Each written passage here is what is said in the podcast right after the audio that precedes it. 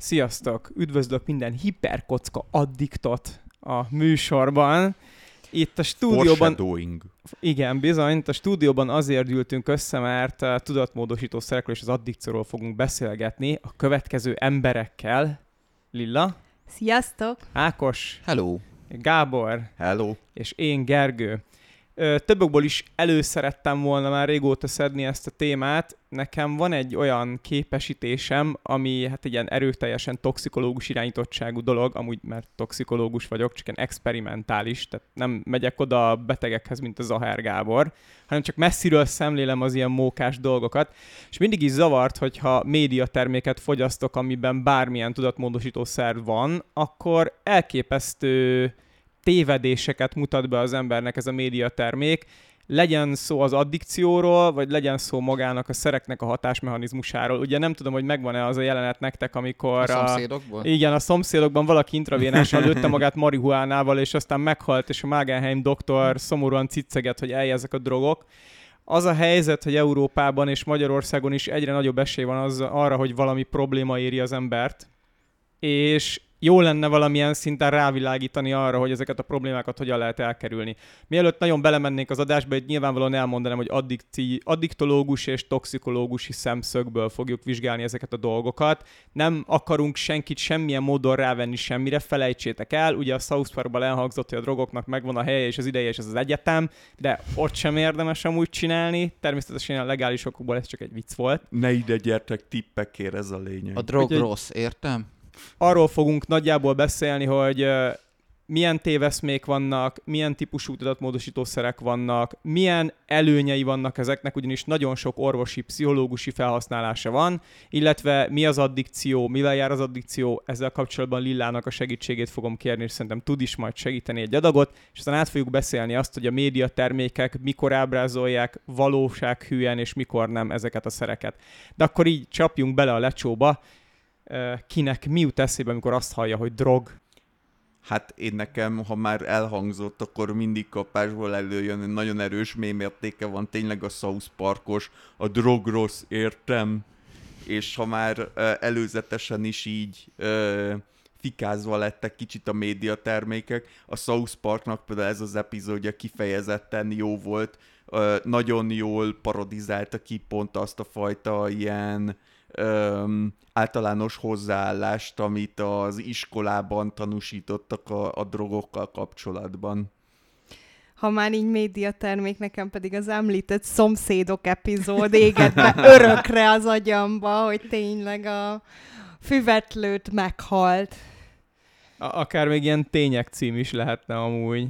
Igen, az a Last Days of tények mém oldal. Tökéletes. Maradhatunk annyiból, hogy annyira hitelesen ábrázolják, mint a hekkelést. Tehát, hogy... Igen, sok, sok mindent. szörmentén nekem a munkám során kell valamennyire ezzel a témával találkoznom, vagy kerülnöm, mert ugye a szociális szféra az gyakorlatilag egy jelentős terület az a drogok használóival szól, és bár nekem nem ez a szakirányom, és nem is ez a fő foglalkozásom, de ha csak a, azt vesszük, hogy a szociális szervezetek találkozásának az apropója az a kábítószerügyi egyeztető fórum a Ferencvárosban. Oh. Ez nagyon fura elnevezés szerintem, hogy nem kábítószer elleni, hanem hogy kábítószerügyi egyeztető fórum, olyan, mint egy maffia ez, találkozó. Ez minden, minden kerületben van Igen, egyébként. Én voltam tagja is a Igen, én, én 11. tagja vagyok, és, és, és ez igen, minden kerületben is Budapesten Jó, csak neked indokoltam, mint nekem az ANTS-be, ahol így semmilyen ilyen gyerekkel nem találkoztam de hát, nem, ever, hát aki külön... kápszizott. Na de hát ez az, hogy itt, itt gyakorlatilag ez a fórum, amit így kötelező működtetni, aztán hol működik, hol nem működik. Ez a fórum az apropója, különböző egyik fő apropója kerületi, szociális vagy bármilyen vonatkozású rendőrség, önkormányzat, stb. bármilyen okból találkoznak és beszélnek egymással, szóval milyen összerántja az embereket a drog. En, en, gyönyörű felvetése ennek az adásnak amúgy. Hát nyilvánvalóan amúgy az életünket nagyon sok ilyen átszövi maga a drog, és itt szerintem el lehetne kezdeni definiálni, hogy mit értenek az emberek drogok alatt. Ezt nagyon nehéz definiálni, mert nincsen olyan, hogy drog. Végtelen számú szer létezik, végtelen hatásmechanizmussal, de mielőtt ebbe belemegyünk, a másik kérdésem az az lenne, hogy ti találkoztatok-e már az addikció fogalmával, és ha igen, akkor van-e esetleg olyan ismerősötök, aki vagy családtag, vagy bárki, aki valamilyen addikcióban szenved. Szerintem Magyarországon a nagyjából egy millió alkoholista országában nagyon nehéz olyan ember találni, aki ne találkozott volna legalább alkohol addikciónak kitett uh, családtaggal, még hogyha nem is közvetlen rokonnal, akkor is a unokatesó, a nagybácsi, akárki biztos, hogy nem kell messzire köpni ahhoz, hogy egy alkoholistát találj el a köpeteddel. Nem konkrét személyekről beszélünk. Igen, nem konkrét családtagokról, akik közvetlen hatása volt aznak, például, hogy esetleg itt ülünk ebben a szobában és beszélgetünk. De egyébként az a hardcore, hogyha véletlenül olyan balfaszok vagytok, mint én, hogy 30 pluszosan bementek egy pogóba, és lesérültek, és a Szent Imre sürgin találjátok magatokat péntek este, akkor ott is fogtok drogosokkal találkozni. No way! De amire ezt gyakorlatilag ki akarom vezetni, az azt, hogy amúgy van átfedés az úgynevezett drogok, mint ilyen csoport megnevezés között és az addikció között, de azért ez az átfedés, ez hát azért messze van a teljes átfedéstől. Gyakorlatilag nagyon sok olyan szer van, ami addikciót okoz, legyen ez az alkohol, amiről szóba került, ami amúgy egy tudatmódosítószer, de lehetnek olyan szerek is, amik nem módosítanak tudatot, például a koffein, amire elég gyurvára lehet gyógyulni. Én például napi négy kávét iszom, jó, két dupla kávét, még életben vagyok, de azért erre szeretek úgy gondolni, mint egyfajta függőségre, és általában, amikor a médiatermékek ábrázolják a drogokat, akkor nem a feltétlenül a drogot szokták ábrázolni, magát az addikciót. Hogy az addikció mit tesz az emberrel például. Sőt, az a durva, hogy az utóbbi idők kutatásai, ugye neurobiológiai kutatásai rávilágítottak, hogy ugye a, a binge eaterek te, és a érzelmi evőknek is a, az agyi idegpályái nagyjából úgy működnek, mint a függőké, tehát gyakorlatilag egy étel függőségről beszélünk, amikor ilyen probléma felüti a fejét pedig az ételre tényleg nem úgy gondolunk, mint egy káros szer, ami addiktív. Szerintem, a, ha már, most ez nem addikció ilyen szempontból, mert nem, nem kémiai vegyület, de hogy a, a, a képernyőfüggés, vagy akár egy csomó olyan terület van, ami, amire nagyon durván rá tudnak, és talán Hát igazából és, és legálisan ráfügghetnek. Hát a, az, az a probléma, az agynak van egy olyan tulajdonság, ami evolúciósan nagyon hasznos volt számunkra, ez az, hogyha valami olyan dolgot cselekedett az állat vagy az ember, amiből rövid távú, vagy középtávú, vagy hosszú távú haszna származott, akkor van egy jutalmazó kis neuronkör az agyban, ami adott neked egy ilyen nagy kis dopamin jelet, nagy kis dopasz, egy, egy jó nagy adag dopamint, aminek egy örültél.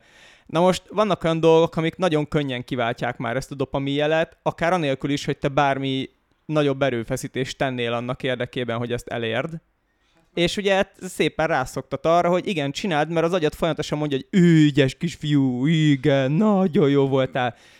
Meg hát a mai mobil játékoknak egy jelentős részét gyakorlatilag pszichológusok és egyebben bevonásával úgy tervezik, hogy gyakorlatilag kimaxolja azt a függést. Nem csak a mobil játékok. Ehhez nem kell já- játéknak igen, igen. Se, ke- se lennie a, a maga a mobilozás. Is, igen, igen. igen. Tehát, Meg hogy, jobb hogy... esetben bocs, pszichológusokat kérnek fel, rosszabb esetben azokat, akik megtervezték a, a játéktermekben a slot machine-t. Tehát így olyan is van sajnos. Úgyhogy az addikció az szinte mindenkinek az életét beárnyékolja. Általában a tudatmódosítószerek részéről egy elmondható, hogy pont ezt a dopaminerg rendszert birizgálja, és ezért lehet amúgy nagyon erősen rájuk szokni, de ez ugyanúgy igaz a nikotinra vagy az alkoholra is például. Úgyhogy attól függően, hogy valami legális vagy illegális, ugyanolyan mértékben lehet nem csak az egyén szintjén káros, hanem akár társadalmilag is káros. De olyan mennyiségű ember alkoholista, ami azért eléggé megterheli például a, magát, magát a, a közegészségügyet is. És, és ahol, ahol szűkösek az erőforrások, ott is megoldják a, az emberek. Tehát nem tudom, ez mennyire divat ma, de hogy én annak idején, amikor ilyenről tanultam, akkor fölmerült, hogy börtönökben például teát használtak arra, hogy kicsit elszálljanak. Tehát, hogyha nagyon sok teafiltert, megfelelő teafiltert lógattál és túláztattál vízben, akkor egy ilyen dopi nevű, vagy mi volt a neve? Hát nem, nem tudom, lehetséges. Lehetett létrehozni, amivel, amivel úgy egy, egy, ha nem is nyilván nem egy erős drogról beszélünk, de hogy mennyire tudtak. De a fekete teában végül is van Sok koffein. koffein van, Igen. igen. És Úgyhogy hát koffeinmérgezést kaphatsz tőle, meg biztos arra is rá is lehet gyógyulni. Hát nem véletlen az, hogy például angoloknál a tea szertartás, ez gondolom minden nap délután négykor megtörtént egy jó nagy adag fekete teával, tehát az már-már függőség gyanús. És vicces, amikor ezt a szokásuk. is azt hiszem próbálták. Hát az meg kultúra. Tehát amúgy is, ami nem hangzott még el, azt hiszem, ugye a függőségnél elég fontos elkülöníteni, hogy van ö, elsősorban ez a pszichológiai függőség, amit most említettünk, és van a konkrét ö, kémiai függőség. És a kettő, tehát pont ez az, hogy attól még, hogy valami nem okoz kémiai függőséget konkrétan, pszichológiailag tök jól rá lehet függeni szinte bármire. Igen, igen, hát egy, erről van rengeteg netes mém, amikor ugye megpróbálják bemutatni azt, hogy egy marihuána függő folyamatosan így, nem tudom, magyarázgatja, hogy ő bármikor le tudja tenni, mert ez nem okoz függőséget, csak ez már 20 éve minden nap elszívja a kis cigijét, és megmagyarázza magának, hogy igen, ez testileg lehet, hogy nem okoz függőséget, de olyan jól esik minden este arra elaludni, és már anélkül nem működik, meg reggel nem indul el a nap, hogyha azt nem szív el, de ez amúgy ugyanúgy igaz a dohányosokra is. A nem kell is. THC-t betenni. Hát igen, csak mondjuk a dohány az pont azért idézőben pont azért tök jó, mert a dohányzás az, az kémiailag is tök erős függőséget generál. Meglehetősen. Bár én amúgy, nekem, nekem nagyon furán működik a szervezetem, én dohányoztam fiatal koromban, és letettem, és nem hiányzik a nikotin, viszont ami hiányzik, az az a mozgása, hogy a cigarettát szívja az ember, meg a szociális része. Ezért volt egy időszak, amikor volt olyan cigim, ami csak ilyen vízgőzt csinált. Tehát nem csinált semmit. És tök élveztem, hogy lejártam emberekkel, és akkor én csak így a vízgőzt szívtam, mert tudatilag, pszichológiailag erőteljes függőség volt, de így kémiailag meg egyáltalán nem lehetett, mert a vízgőztől azért... Jó, a víz az okoz egy erőteljes függőséget, hogy meghalsz nélküle, de, de nem volt biztos, hogy egy más. fiziológiai szükségletet függőségnek neveznék. Meg, meg Jogos. az a kemény, akik ugye életmókus kerekében ugye a napok egy, egyformán követik egymást, és aki így a szokás rendszerébe beiktat valamilyen dolgot. Én hallottam már olyanról, hogy valaki nem tudott kávé nélkül szarni gyakorlatilag. Tehát, hogy ha nem volt meg a reggeli Hát De az kávé, nem, akkor az így... nem pszichológiai. Hanem Tehát a, hát a szokás rendszerének, tehát az meg a Nem, testének. a, a kávé az biológiailag ugye meg, tehát a, a szervezeted úgy működik, hogy a legtöbb esetben, hogy hogyha valamit valamilyen irányba eltesz, akkor hozzászokik, és a kávé annak van egy kis hasajtó hatása, és nyilván, hogyha te mindig kávézol, akkor a szervezeted úgy áll, egy idő után hozzászokik, és akkor, hogyha elhagyod, akkor igen, szorulásod lesz, mert a szervezeted hozzászokott ahhoz a kis hasajtó hatáshoz, ami mindig jelen volt reggel, és most meg nincs ott, akkor meg nem működnek a dolgok. Hát ezért mondom, hogy egy szokásrendszer. Mert valószínűleg itt ez az ember valamilyen szinten eltérhetett az átlagtól, mert ez, ez ilyen, én is hallottam már ilyen sztorikat, de nem ezek a jellemzőek, hanem az, az a jellemző a kávéfogyasztásra, és ez nálam is igaz, hogyha nem iszok kávét mondjuk két napig, akkor azért kemény hangulatingadozásaim vannak. Tehát én nem vagyok egy agresszív ember, de hogyha nem kávézom, akkor azért feszült leszek, és el tudok pattanni néha-néha. De ahhoz képest, hogy a kávé egy nyugtatószer, eh, hát mondjuk lehet, hogy De pont, pont ezért, ezért. a hiányában, Hát azért, igen, igen. Mármint pont a kávé egy pörgetőszer, igen, ez az agyam már nem működik rendesen, mert kicsit későn veszük fel az agyást. Adást. Mert nem itták kávét, badumcs. Hát a, ittam ma már párat, csak mindegy.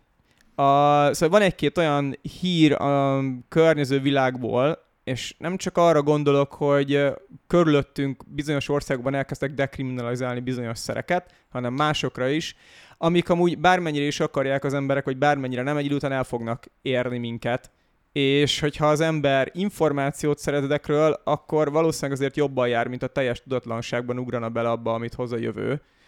A, van egy podcast, amit szoktam hallgatni, itt is ajánlom mindenkinek, ez a Huberman podcast, vagy Huberman Lab, ez egy a Stanfordon végzett és most kutató idegtudós, és hát mivel én is amúgy idegtudós vagyok, ezért nyilván lusta vagyok cikkeket olvasni, és az ő podcastjét szoktam hallgatni helyette inkább minden pénteken. És volt egy adása, ahol arról beszélt egy másik vendég meghívott előadóval, hogy Amerikában ugye legalizálták a füvet, és ez tök jó, Több államban, nem mindenütt. Hát igen, jó, ilyen dekriminalizálták, tök jó meg minden, csak nagyon sok ember nem gondol abba bele, hogy amikor mondjuk például terhes, és füves cigit szív, vagy csak CBD szív, ami amúgy Magyarországon is legális, tehát a THC ez ugye itthon illegális, de a CBD-t azt nyugodtan tolhatod orba szájba, az, az átmegy a placentán, és ennek nagyon erőteljes fejlődéstani hatása van, és végeztek valamelyik egyetemen egy kutatást, ha jól emlékszem, akkor nagyjából minden ötödik terhes anya azokon a helyeken, ahol legális volt a fű, füvet szívott, vagy CBD-s cigit szívott, mert ugye ezeknek fájdalomcsillapító és nyugtató hatása van. És hogy most az orvosok nagy része próbálgatja kideríteni, hogy vajon mi fog történni ezekkel az emberekkel mondjuk, amikor így a pubertáskoruknak véget ér, ugye akik még meg sem születtek hogy érdemes ilyenkor belegondolni abba, hogy ezek a szerek léteznek. Amúgy is volt ez mindig is probléma, ugye van a Fetal Alcohol Syndrome nevű korkép. Ma, igen, tehát hogy még az anyamében. Ami miatt föl szokták hívni az anyáknak a figyelmét arra, hogy ha esetleg terhesek, akkor hagyják el az alkoholt. De most bocsánat, lehet, hogy én vagyok ennyire teljesen rácsodálkozva erre a dologra, de hogy ez így azért elég közkeletű információ, nem, hogy terhesen nem kéne inni. Most akkor ezt Nehogy így, hogy... azt hidd, de egy csomó orvos is szokta ajánlani, hogy egy pohár vörös borra nem árt. Az a baj ezzel, hogy ugye ennek a magzati alkohol szindrómának nincs egy ilyen pontos értéke, hogyha mondjuk minden nap egy pohár vörösbort megiszol, akkor biztosan nem lesz baja a gyereknek, hanem ez úgy van, hogy vagy lesz baja, vagy nem. Hát már Nyilván, csak hogyha... azért is, mert ugye a máj alkohol lebontó képessége az, ami ezt szabályozza, és az egyedileg is eltérő nagyon, meg Bizony. aktuálisan is eltérő. Tehát nem mindegy, hogy mit ettél, meg mit ittál, meg mennyire vagy stresszes, meg minden egyéb dolog, és igen, ezzel azért nem annyira jó így izé rulettezni. Meg ugye az szokott félreértést okozni, hogy ugye öm, csomószor van az, hogy mit tudom én, mondjuk az ember elmegy nászútra, és akkor ilyen all-inkluzív helyen van, és akkor ott orvérzésig bebasznak, de most már közben meg ugye védekezés nélkül szexelnek, azt összejön a gyerek, igen, és a, ugye a terhesség nagyjából első egy hónapjában ugye még nem beszélhetünk olyan idegrendszeri képletekről, amik igazán károsodni tudnának, tehát ilyenkor kvázi valamennyire védettebb a gyerek, ez így amúgy nekünk szerencsés, de ettől függetlenül, ha az ember már tervezi, akkor sem ajánlott egyáltalán semmilyen alkohol, drogot, Dohányt. dohányterméket, semmi ilyesmit ö, fogyasztani. Szerintem aki tudatos szülő, vagy legalábbis tervezi a gyereket, és minimális sütni valója van, akkor ez így eljár, de Ja, de, várj, de pont hogy... itt a probléma, hogy ugye a világszinten orvosok ajánlják az alkoholfogyasztást is még, hogy egészséges például egy pohár vörösbor este mondjuk lefekvés előtt, és közben erre most már tíz évet át, átfedő, átívelő kutatások vannak, hogy két egység alkohol hetente még nem okoz problémát. A két egység alkohol hetente az pont a heti egy, egy pohár vörösbor. És azért valljuk be őszintén, az nem sok. Hát, hogyha valaki hetente eljár a haverjával meginni három sört, akkor az már túllőtte ezt a két egységet jóval. És az orvosok állítgatják, hogy minden este igyál meg nyugodtan egy pohár vörösbort, mert az majd így fokozza a vér, nem tudom, a... Magyarországon fölmerült, hogy a változó kressz kapcsán, mert most igen, lehet, igen. hogy szigorítanak, fölmerült, hogy miért van zéró tolerancia. Az alkoholtermelőknek a lobbia az most bejött, és elkezdte azt magyarázni, hogy de azért egy picit azért, na, hát egy kis pohár, egy, egy pár százalék, egy kis sör, olyan úgy jó lenne erre a magyar úthálózatra teljesen. Hát mondjuk itt viszont azért azt érdemes, tehát hogyha most az egészségügyi dolgokról eltekintünk, um, a legtöbb körülöttünk lévő országban nincsen zéró tolerancia, és valóban nem úgy tűnik, hogy a, tehát nem az fog az utakon balesetet okozni, akit elkapnak a zéró tolerancia miatt, mert ugye egyébként, mit tudom én, az ilyen egy pohár sörnyi alkohol szinte megengedett, hanem rendszerint nem az fog fölcsavarodni a fára, meg nem az fogja elcsapni a zebrán a babakocsis kismamát. Az a baj, hogy annyira alacsony szintű a közlekedési kultúra, nyilván van ennél rosszabb a világon, de elég alacsony szintű, hogy kinek hol, hol lesz a határ. Tehát az a baj, hogy az érót hát, az viszonylag egyszerű szóval jó, szóval nem, hát, ott, hát amúgy is egyszer, hát de amúgy tehát, is. Egyszerű a határ. Tehát nincs, nem az, hogy kinek hol lesz a határ. Nyilván, ahol nincs zéró tolerancia, ott se az van, hogy Jancsi mennyit ittál egy sört, ott is megvan adva egy határ, egy ö, véralkohol szint Igen, százaléknyi tudom, határ, és ha valaki azt túllépi, akkor az törvénysértett, vil- aki meg nem, az meg Ez nem. világos, Na- csak az felhasználói oldalról, hogy tudod, még, még egy kis pálinka menes értsél meg, az egyik kedvenc szövegem, a, ott, ott Hát mondom, maga a felhasználó nem azt fogja mondani, hogy ú, ez még lehet, hogy belefér, ért, és ha nem fér bele, majd kiderül a baleset után. Na, szóval az, hogy- azért akartam ezt a témát felhozni például, mert most képzeljétek el, hogyha esetleg a fű dekriminalizálva lenne, ugyanez történne a fűvel is. És ugye az nem feltétlenül jó például terhes anyák magzatainak. Tehát az emberek nagyon nehezen tudják visszafogni magukat, és ha nem tudnak erről, és amúgy pont ez volt ugye a kérdőívnek az egyik konklúziója, hogy nem nagyon sejtették ezek az anyukák, hogy ez valami problémát okoz. Hű, de, de ez jó. Mindegy. Hát rémisztő, amúgy tényleg, hogy erre például szerintem érdemes rávilágítani, és ilyenből hoztam pár példát, mielőtt belemennénk így a mindenféle tudat. Sőt, szerintem először menjünk bele a tudatmódosítószerek osztályozásába, és akkor ezeket a végig lehet beszélni. Bocsánat, csak még a fű kapcsán egy ö, kis kitérő, ami szintén nem annyira ismert info, hogy a serdülőknél a nagymértékű marihuána fogyasztás szignifikánsan növeli ugye a skizofrénia kockázatát. És ugye a, azt, azt tanultuk éveken át, hogy, hogy a világban mindenhol, Timbuktutól kezdve mindenhol egy százalék a skizofrének aránya, és most voltak újabb kutatások, és tényleg, hát Hollandiában azért Amsterdam környékén van az 3 százalék is. Er, erre külön, erre a pszichotikus dologra külön ki akarok majd amúgy térni, úgyhogy ezt, ezt javaslom, hogy majd, majd ott beszéljük meg. Oké, okay, oké. Mert amúgy ez megint egy nagyon durva tévhit, és baromi érdekes, és majd az ilyen orvosi felhasználásoknál lesz nagyon fontos. De na, szóval tudatmódosító szerekről, amikor beszélünk, nincs olyan, hogy drog. Nyilván ezt már átbeszéltük. Öt darab kategóriája van ezeknek a szereknek. Vannak úgynevezett serkentő szerek, ezeket könnyű elképzelni, ezek azok, amik pörgetik az embert. Ilyen amúgy legálisan a koffein, de ilyen mondjuk illegálisan a speed. És amúgy ilyen például teljesen legálisan beszerezhető, csak vénre kapható Adderall, amiben majd bele fogunk menni, ami az ADHD-nak a gyógyszere. Az Adderall és a Speed között semmi különbség nincsen, az ugyanaz a vegyület. Csak ugye meg lehet venni végül is gyógyszertárban, hogyha azt az orvos felírta neked, ami hát így érdekes, tehát szerintem itt az emberek már így elkezdhetnek el gondolkodni az, hogy mit jelent a drog, hogyha felírhatja neked az orvos, de illegálisan is megveheted, nem tudom, valahol a nyolcadik kerületben. De egy Nem véletlen, hogy az angol nyelvben drugstore a... Hát jó, igen, amúgy ez a, ez a fordítás, ez, ez nagyon szar. Tehát az, hogy drog, az ugye angolul azt jelenti, hogy gyógyszer. Mindegy. A, vannak, ugye, ha vannak pörgetők, akkor vannak nyugtatószerek. A nyugtatószereket könnyű elképzelni, pont a marihuána az egy illegális nyugtatószer, az alkohol meg egy legális nyugtatószer, ami hasonló neuronpályákat aktiválgat.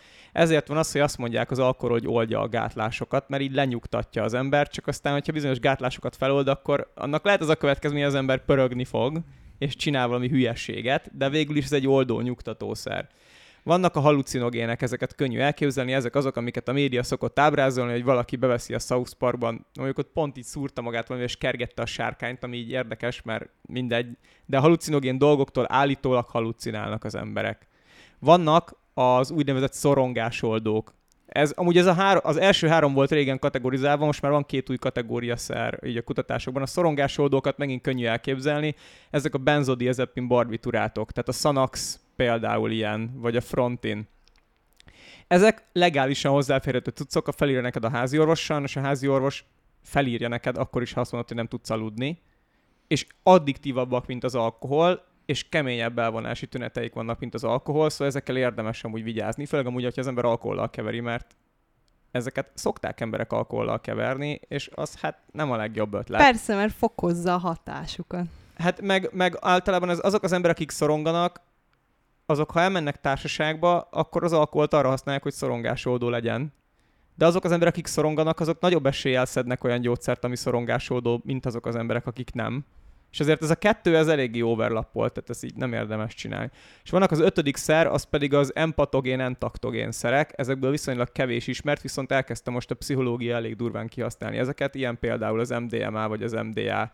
Ezekbe is majd belemegyünk, amikor így az orvosi kutatásokra kitérünk. Az MDMA, ami az extaziban van, csak Ö, hogy ilyen általánosabb. Igen, igen, az ecstasy-ban van az is, de a, ez a hogyha valaki valamihez hozzáfér, ugye nem feltétlenül tudja, hogy mi van ebben a cuccban, és nem lehet tudni. Feltételezhetően van benne MDMA, hogyha valaki ehhez hozzáfér, de lehet, hogy nem. És amúgy itt jönnek azok a dolgok, amik miatt ezt az adást el akartam, vagy fel akartam vetni, hogy pont ennek az illetőnek, ennek a Huberman Labnek a podcastjében hallgattam most két adást arról, hogy mi történik Európában, ami Amerikában már egy ideje megtörtént, és ezért emberek elkezdtek parázni attól, hogy mi lesz, hogyha ez itt is előfordul, és úgy magyar toxikológusokban is felmerült már ez nem egyszer, hogy itt bajok lesznek. Az egyik az a fentanil. A, nem tudom, hogy a fentanilnak a nevét hallottam már bármelyik kötök, szerintem igen. Persze. Igen.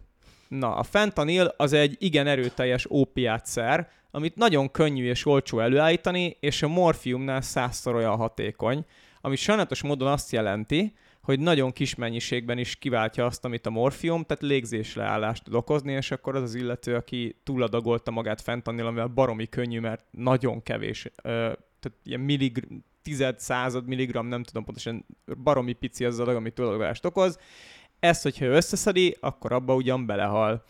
És hát amikor valaki illegális szereket vesznek olyan helyekről, nem tudják, hogy ebben mi van, akkor hát azt érdekes módon ezeket az illegális szereket azért nehéz előállítani, úgyhogy felszokták ütni olyan más szerekkel, amiket olcsó és könnyen elő lehet állítani, és a fentanyl az pont ilyen. Ezzel nem is lenne baj, mert kiszokták számolni ezek az ilyen garázsban lévő kis, nem tudom, ilyen műanyag tálakból kevergető kis arcok. Biztos tökéletes pontosság. És igen, pont, pont ez a baj. Tízezred milliliteres pipettát a... használnak szerintem steril körülmények között. A Youtube-on van a, van a Vice nevű csatorna, és a Vice-nak van pont egy ilyen tényfeltáró report sorozat. Ők elmentek huha, hogy hívják ezt a buli szigetet Európában, Ibiza. Elmentek Ibizára, hogy kiderítsék, hogy ez az új pink kokain, ez hogy készül, és van felvételük arról, hogy valaki egy garázsban, egy ilyen rezsón, tényleg ilyen műanyag edényekbe kevergeti össze a hozzávalókat, és egy darab falappal kevergeti ezeket, és el is mondja, hogy hát van olyan része ennek, ami erősebb lesz, meg van olyan része, ami gyengébb, mert azért nem használnak normális keverési módszert. Na most ugye ez, az, ez az a probléma, hogy Amerikában azért akarják most dekriminalizálni a, a legtöbb uh, illegális narkotikumot, mert nem lehetett tudni, hogy melyikben mennyi fentanil van, és Kanadában például tavaly azt hiszem százezer ember halt meg fentanil, nem tízezer ember halt meg fentanil túladagolásban. Ezért amúgy Kanadának a most földrajzoznom kell kicsit fel, a nyugati oldalán például mint szinte minden dekriminalizálnak jelenleg. Ezzel akarják elősegíteni azt, hogy neked legyen ahhoz lehetőséget, olyan helyről szerez meg a dolgokat, ami amúgy valószínűleg tiszta. És hogy, hogy nem, a fentanil elkezdte felütni a fejét Európában is. Meg egyébként nem tudom, én valamikor tavaly néztem egy ilyen amerikai dokut erről a fentanilról. Hát mondanom sem kell, hogy nem egy vidám dokuk ezek, de hogy a dekriminalizációnak van egy ilyen nagyon-nagyon nagy előnye, hogy ilyenkor ugye, hogyha oda telepszenek a segítő szervezetek, ahol ugye gócpontok vannak, akkor sokszor ö, osztogatnak ilyen ö, elsősegély cuccokat, ilyen kis ö, kb. tényleg zsebben elférő ilyen ö, cuccokat, amiket tényleg ká, hát a kápsz, drogfogyasztóknak meg se kell különösebben mutatni, mert általában tudják, hogy hogy kell szúrni magukat, de hogy érzik, hogy túladagolták magukat, és nem halnak ja, meg, mert ott egy van epipen egy íze. Igen, nagyjából erre nem is egy... kell, van orspray, naloxon orspray, amit így, hogyha valaki éppen ilyen légzésbénulása van, akkor csak hello, és Nem eljön. tudom, a dokuban pont egy ilyen epipen jellegű cuccot osztogattak ezeknek, és Ehhez... tényleg el is mondta valamelyik ilyen ö, függő interjú alany, hogy hát igen, nekik már itt a helyi sátorban már kétszer kellett használni. Ez két külön dolog szerintem, amiről te, te beszélsz valamire, ilyen cuccokat, azokat nem feltétlenül dekriminalizálják, inkább, de várjál, inkább de ahol, ez... ahol, ahol nem üldözik ezt a fajta segítői tevékenységet, ott akár ott is lehetnek ilyen civil szervezetek, itt Magyarországon is voltak, vagy több volt, amik, amik kevésbé voltak, amíg engedve volt ez a fajta lét. Ez azért tévedés, mert idén Amerikában engedélyezték idéntől, hogyha te bemész egy gyógyszertárba, akkor vén nélkül kapasd a naloxont, ami semmi más sem csinál, semmi mást. Csak azt, hogyha valakinek kópiai túladagolása van, akkor ezt, azt hát, visszahozza. Ezt mondom, de ettől még nem, illeg, nem legális az ópiát. Az nem, Ezt- de a ezt- naloxon sem volt legális eddig, érted? Jó, és de annak az, az, az, oké, de, na, de érted, Hát hogy... illetve ami tök fontos egyébként ezen a téren, az meg az, hogy hogyha valakinek baja van, és kijön hozzá a mentő, vagy beviszik valahova, akkor azért egy nagyon nagy előny, hogy dekriminalizálva vannak a dolgok, mert pláne, hogyha azok, akik bevitték a haverjai, is mondjuk módosult tuda- tudatállapotban vannak, akkor nagyon nem mindegy, hogy mennyire van benne az elmékben, hogy el kell titkolni, amit csináltunk, mert ú, ami lesz, hogyha megtudja a nagy per, börtönbe kerülök, per kirúgnak a munkahelyemről.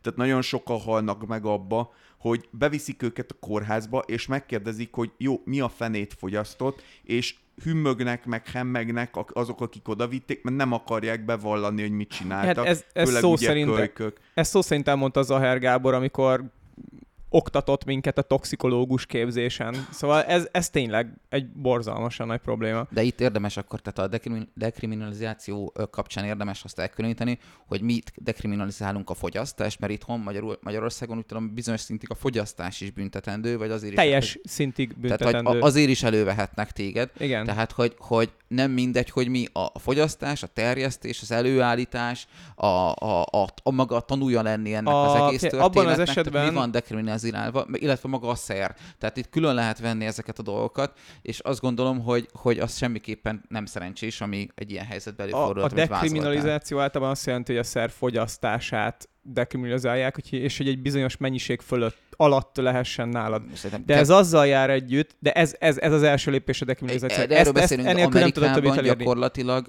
most, amit mondjuk a marihuána kapcsán a legalizálás irányába ellépés, az ott az a teljesen bemész a boltba és De veszel az füvet. nem is dekriminalizáció, az legalizáció. annak, nem a, az az, más. Annak az a végeredménye ennek a Hát, de az elindulása meg pont ez, hogy ami nálad van, azért nem fognak megbüntetni. És amúgy, amiért miatt amúgy fontos lenne ez, én ellenzem is, meg el, előnye is van. Az egyetlen egy olyan előnye, ami, ami felett nem lehet elmenni, az az, hogy ilyen tesztkiteket, amikkel megnézheted, hogy mi az, amit te esetleg valakitől összeguberáltál, azt meg tudod venni, de ha te megveszed, akkor ugye az feltételezhető, hogy te fogyasztasz akarod. valami illegálisat, és akkor egyből rád repülhetnek mindenféle, ez bizonyítékont is fel lehet használni, az, hogy te elővigyázatos voltál.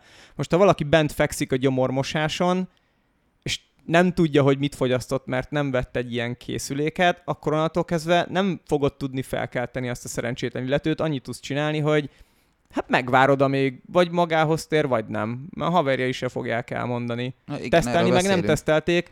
Az már csak, hogyha ezt a tesztkitet megmernék rendelni emberek bárhonnan, az már amúgy segítene pont a fentanil problémán, és amúgy az az érzésem, hogy ez tényleg Amerika a legnarkotikum ellenesebb ország volt a világon. Tehát nem véletlen, hogy a War on Drugs onnan jön.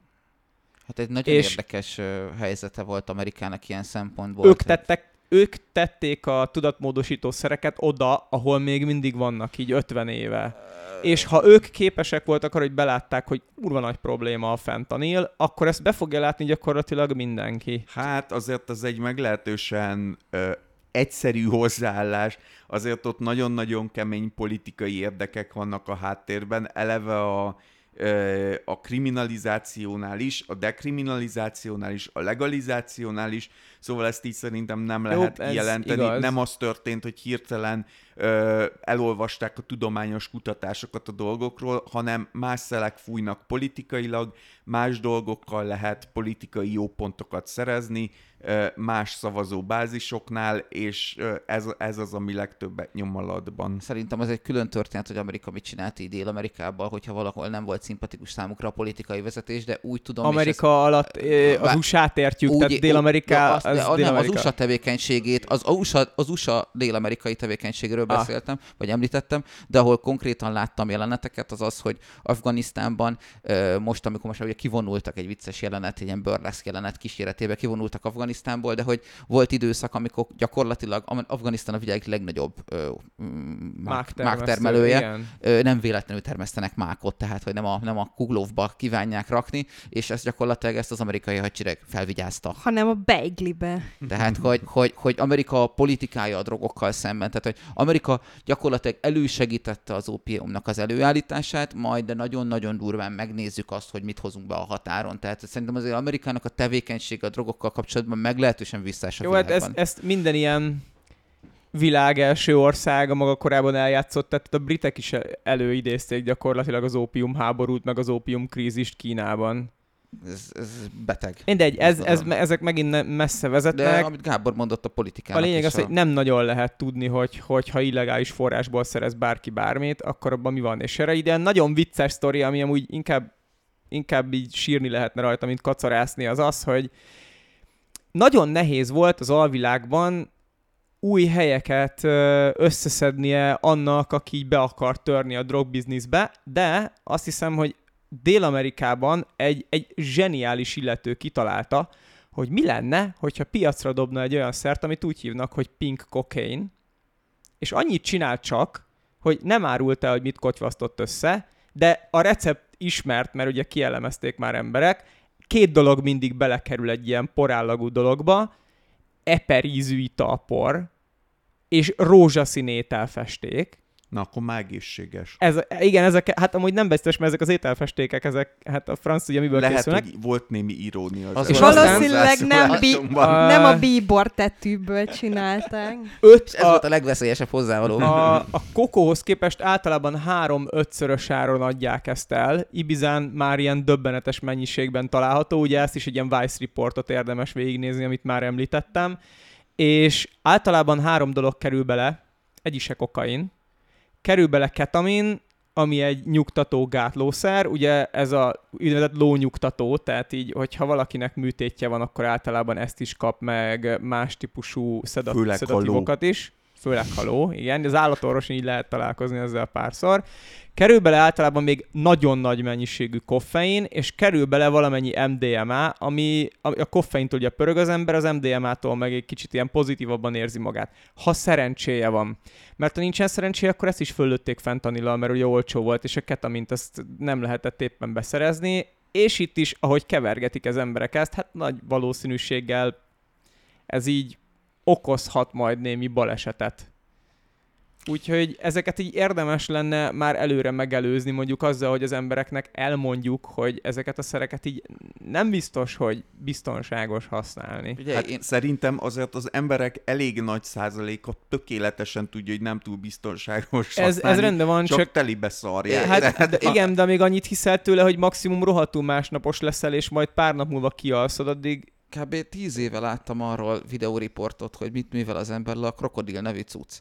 Én az, az- az, az, kicsit- az, azok után, hogy ilyen van, és ezt valakik használják, én onnantól kezdve mi- miről, miről beszélgetünk? Tehát, Jó, hogy mi- mit fognak az emberek nem magukban nyomni? Tehát, hogy a krokodil hatására gyakorlatilag ö, megtörtént az, hogy gyakorlatilag lerohad a hús a lábadról, meg a karodról, és láttam konkrétan olyan felvételt, amiben ö, gyakorlatilag a térd, a, a térd alól gyakorlatilag a lábszárcsontok jöttek ki, és úgy üldögélt ott valaki békésen. Tehát, Tehát, hogy. Igazából, hogyha valaki ilyen lassan meg akarja ölni magát, azzal tényleg nem, az hiába világosított föl. Nem A- is az olyan alkohol- lassan. Az, az alkohol is szépen lassan ugyanezt csinálja az emberrel, csak a körülötte állókkal is gyakorlatilag, és így egy alkoholnál sem tartunk olyan felvilágosítási szinten, amikor ez működne.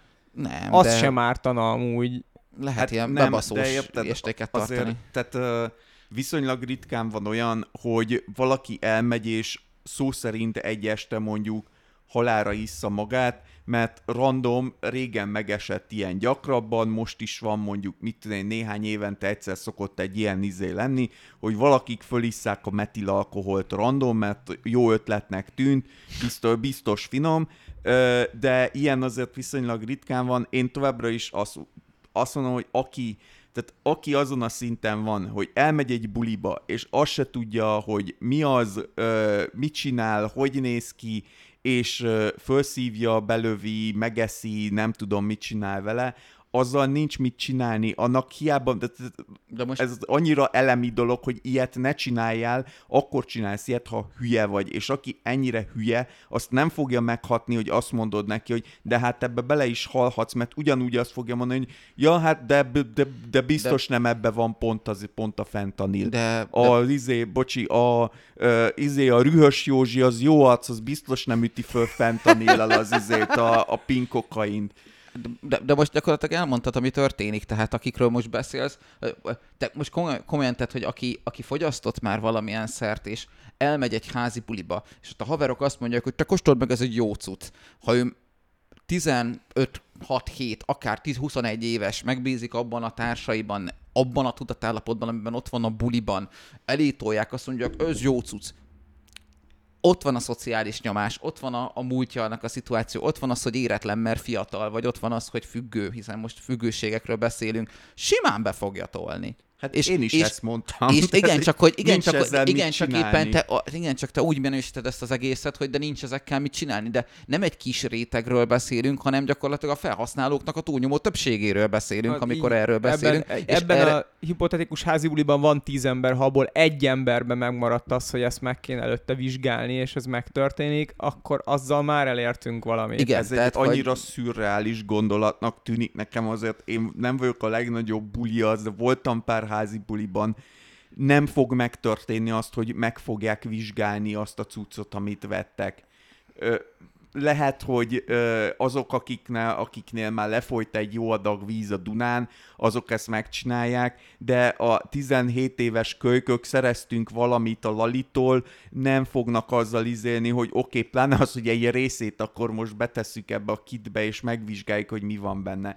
Nem fogják megcsinálni, mert, mert buli van, mert fiatalok, mert hülyék, ugyanúgy meg fogják csinálni azt, amit eddig, és ugyanúgy bele fognak halni. Aztán, hogyha valaki belehal, akkor utána szerencsés esetben mondjuk a többi, aki ott volt, az utána óvatosabb lesz.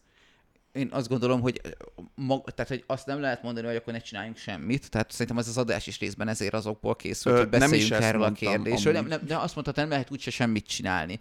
Ö, Én, én azt gondolom, hogy, hogy egyrészt a tudatosítás, másrészt valamilyen szintű hatásgyakorlás érdemes, és ennek kapcsán lehet esetleg beszélni arról is, hogy mi az, ami legális, és mi az, ami nem legális, mert például most te is mondtál, az a vizsgáló eszköz, vagy, vagy az egésznek a kultúrája, vagy az egész társadalmunknak egyfajta kultúrája, az nem ártana, hogyha egy pozitívabb irányba változna, mert szerintem nagyon sok szempontból, nagyon sok tekintetben, nagyon sok téma kapcsán beteg módon viselkedünk, és teljesen önellentmondásokba keveredünk. Most csak a drogokról beszélünk, de számtalan másik példát is lehetne felhozni ezen a Minden, mindenképpen jó lenne, lenne ilyen lehetőség. Most az, hogy valaki éle vele, vagy nem él vele, az már az egyénes szociológiai, szociális problémája. De hogyha nem lehet élni vele, akkor Igen. az egy kisebb mértékű opció. Nem mondom, hogy rosszabb lenne, hogyha lenne ilyen. Azt mondom, hogy szerintem nem, tehát nem itt dőlnek el ezek Mm. a dolgok. Én nem hiszem, hogy ez szignifikáns előnyt jelentene, vagy ez szignifikánsan változtatna ezeken a trendeken.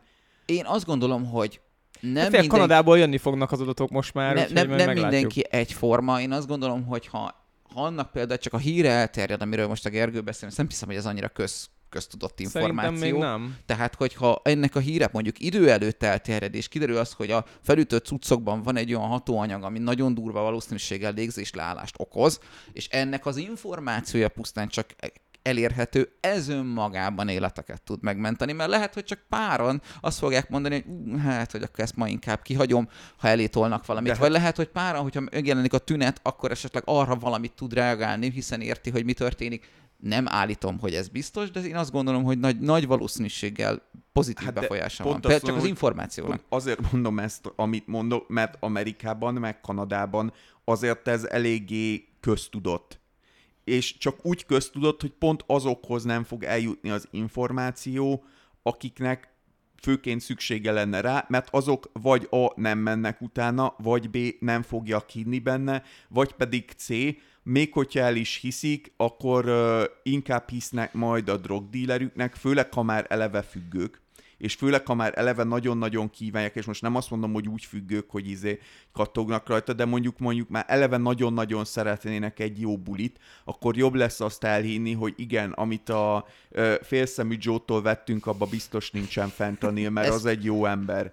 És sokat- hát ez is, fog, és ez is történik valójában, mert nálunk ezek még új dolgok, de Amerikában azért már nem tegnap jött be a fentanil, és aztán mégis még halnak meg benne bőven az emberek. Zseniális a random drogdealer névgenerátorod, de, de Igen, hogy... kicsit, kicsit ez is ilyen előítéletes, amúgy gyanítom, hogy ezeket a drogokat, majd a Vice reportokban nem csak gyanítom, hanem látszik is, nem olyan emberek terítik, akikről így azt mondanád, hogy úristen, ilyen lepukkant félszemű Joe. Mert szerinted, ha valaki félszemű, az egyből lepukkant ki? Ne, kiben Jó, vannak akkor oké. az előítéletek? Teljesen most, jogos. most, most a, izé, a német kancellár jutott eszembe, ez nem Ah, szemkötővel igen. jelent meg, a kalóz, de hogy, hogy Ú, nekem meg a Vampire játékból a, a Fat Larry szerintem Ja. amúgy egy zseniális karakter, de ugye ő nem drogokat, hanem fegyvereket árul, de, de ő is egy eléggé kultikus figura. én Rendben, gond... innentől kezdve öltönyös Olga lesz a drogdealer név, akitől meg... Erre meg most valamire John Wick jutott eszembe, de hogy a, a, a, a, maga az a, az a határ, amiről te beszélsz, hogy most kihez jut el és kihez nem jut el az információ, ez nem egy ilyen betonfal, hanem ott vannak olyan emberek, akikhez akiknek hogy a határmesdjén mozognak, akik ha- hat rájuk, valakire meg nem fog, de hogy, ja, tehát ez Persze, nem ez ilyen... biztos, hogy, biztos, hogy jobb, hogyha van információ, mond, hogyha nem. Én csak azt mondom, hogy nem hiszem, hogy ez szignifikáns változást jelentene, Hmm. önmagában meg pláne nem. Mert akkor ö, látnánk ezt a változást, bár Hát ennek tényleg ez megvan, idén- nem néztünk utána, vagy nem néztem utána, de én úgy gondolom, hogy Amerikában, ahol már azért jó pár éve ö, pörög ez a fentanil ügy olyan szinten, hogy mondjuk már tévésorozatokban is lehet találkozni ezzel az infóval, ö, azt, aztán mégis ö, nem kevesebben halnak meg benne, hanem többen. Amerika kapcsán annyit, hogy, hogy ö, szerintem az a kép, amit mutatnak magukról, nyilván az egy tehát kevés olyan film van, ami őszintén mutatja be Amerikát, de elég csak mondjuk fölmenni a Google Earth-re, nekem az, az, az, az a személyes élményem, amit a Google Earth közvetített felém, akár csak egy amerikai nagyvárosból melbevágó volt, tehát hogy mindig fikázzák, meg beszólnak, akár hogy mi Magyarországon hogyan működünk, vagy Nyugat-Európa, vagy bárki a világon hogyan működik. Amerikai nagyvárosokban láthatsz olyat, hogy, hogy kimész mondjuk a forgalmasabb sugárútra, így bemész az utcákba, így csak így pötyöksz előre a Google Earth-en az utcaképen, és sátrakban gyakorlatilag nyomor telep Hát van igen. az utca, az utca két szélén, érted? Tehát olyan körülmények között, amit ilyen, nem is tudom, a, a Pusztító című science fictionben lehet látni, hogy lemegy patkányvárosba, azt a fönn van a felszínen az utcán gyakorlatilag. Nem csak a tehát, hogy- felszínen, például érdemes megnézni ilyen téren Los Angeles-t, ami egy különösen szép ö, példája ennek, mert ugye ott van Hollywood és a teljes ö, hollywoodi cukormáz, és tőle tényleg két utcára pedig ott van a Fallout. Na, Úgyhogy... de hogy, de hogy ennek kapcsán mondom azt, hogy Amerika berendezkedését és társadalmát nehéz összehasonlítani mondjuk egy szerencsére még, de most már nyilván ez is zűlik széjjel, de mondjuk nyugat-európai nagyvárosaihoz városaihoz se feltétlenül lehet hozzá vetni. Egészen brutális mértékű a társadalmi olló szétnyílása az USA-ban. Tehát, hogy... Kicsit messze mentünk amúgy a témától, de valóban így van. Viszont akkor kanyarodjunk vissza szerintem így a, a tudatmódosító szeres részre. A, ami miatt fontos amúgy az adás nem csak az, hogy hogyha valaki valamit szerez, akkor azt így illene megvizsgálni, mert veszélyes lehet, hanem az is, hogy ugye egyrészt jön felénk a dekriminalizáció, másrészt, ezt nem tudom, hogy arról hallottatok-e, hogy vannak bizonyos olyan szerek, amik pont ebben az évben így gyakorlatilag piacra kerültek az USA-ban vagy Kanadában, átmentek a fázis 3 vizsgálatokon, és ezeket nagyon sok mentális zavarnak a kezelésére akarják használni. Igen, ö, nem tudom, hogy a ketamin volt az első ilyen, ami így Nem tudom, melyik volt az első, mert így ebben az évben nagyon sok, tehát így az egyik. Igen, de szerintem a ketamin volt az első ilyen számomra nagyon meglepő dolog, hogy ugye a de- de- krónikus depresszió kezelésében ö, használják. Ugye nagyon sok ok miatt egyre több ember diagnosztizálnak depresszióval. Nyilván az első oka az, hogy nagyon sok ember megy el, hogy diagnosztizálják depresszióval, és akkor többet fogunk diagnosztizálni, de nagyon sok olyan dolog veszi körbe az embereket, amik miatt hajlamosabbak lettek valószínűleg a depresszióra, mint annó. És azért a depresszió az egy elég szarkor kép, nagyon nehéz őket gyógyítani. Jelenleg ami elfogadott az az, hogy az illető kap valami szelektív szerotonin reuptake inhibitort, ez egy olyan szer, amit mondjuk egy hónapig szedünk, és akkor utána de sose szedtem ilyet, tehát csak ilyen szubjektív véleményeket hallottam tőle, de így kifehéríti az embert. Olyan minden mindegy lesz neki, nem lesz depressziós, de úgy elzakatol. Így a munkavilágában működőképes, de azért ez nem egy megoldás. És ezek a szerek segíteni szoktak abban, hogyha az ember közben el tud járni pszichológushoz, akkor ott felderítsék azt, hogy mi a probléma gyökere, és hosszú évek terápiája alatt ezt meg lehet oldani, és akkor kijön ebből a, az állapotból. Ez nem jó. És ezzel próbáltak pszichológusok, pszichiáterek kezdeni valamit, azért szinte minden szert kipróbálnak, hogy mit lehetne most így a depressziónak a visszafordítására felhasználni, és az egyik ilyen pont a ketamin, a másik pedig a, a pszilocibin mind a kettővel kísérleteztek, és érdekes módon a pszilocibinnél vannak sejtések amúgy, hogy, hogy miért működik a depresszióval szemben, mindjárt ebbe belemegyek. A pszilocibin egyébként, aki nem tudná, az a varázsgomba hatóanyaga. a hatóanyaga. A, az egyik, mert a, a varázsgomba az lehet a galóca is, és abba, abba nem, nem az hát van. amit a varázsgombának szoktak mondani, az kifejezetten az a, ezek a nagyon szépen, magyar, magyarul nagyon szép elnevezésű trágyagombák, amik valóban ö, növényevő állatok trágyáján nőnek, ezek ilyen picike gombák, és ö, ö, ezek ö, termelik a pszilocibint főként azért, hogy ne egyék meg őket a rovarok, és jól rábasztak, mert az emberek meg hát ez, igen, chili paprika óta igen, ez nagyon sok mindenre jellemző. Pont. Szóval a, a, a pszilocibinnél sejthető, hogy ezt hogyan okozza, de ott nem azonnali lesz a hatás.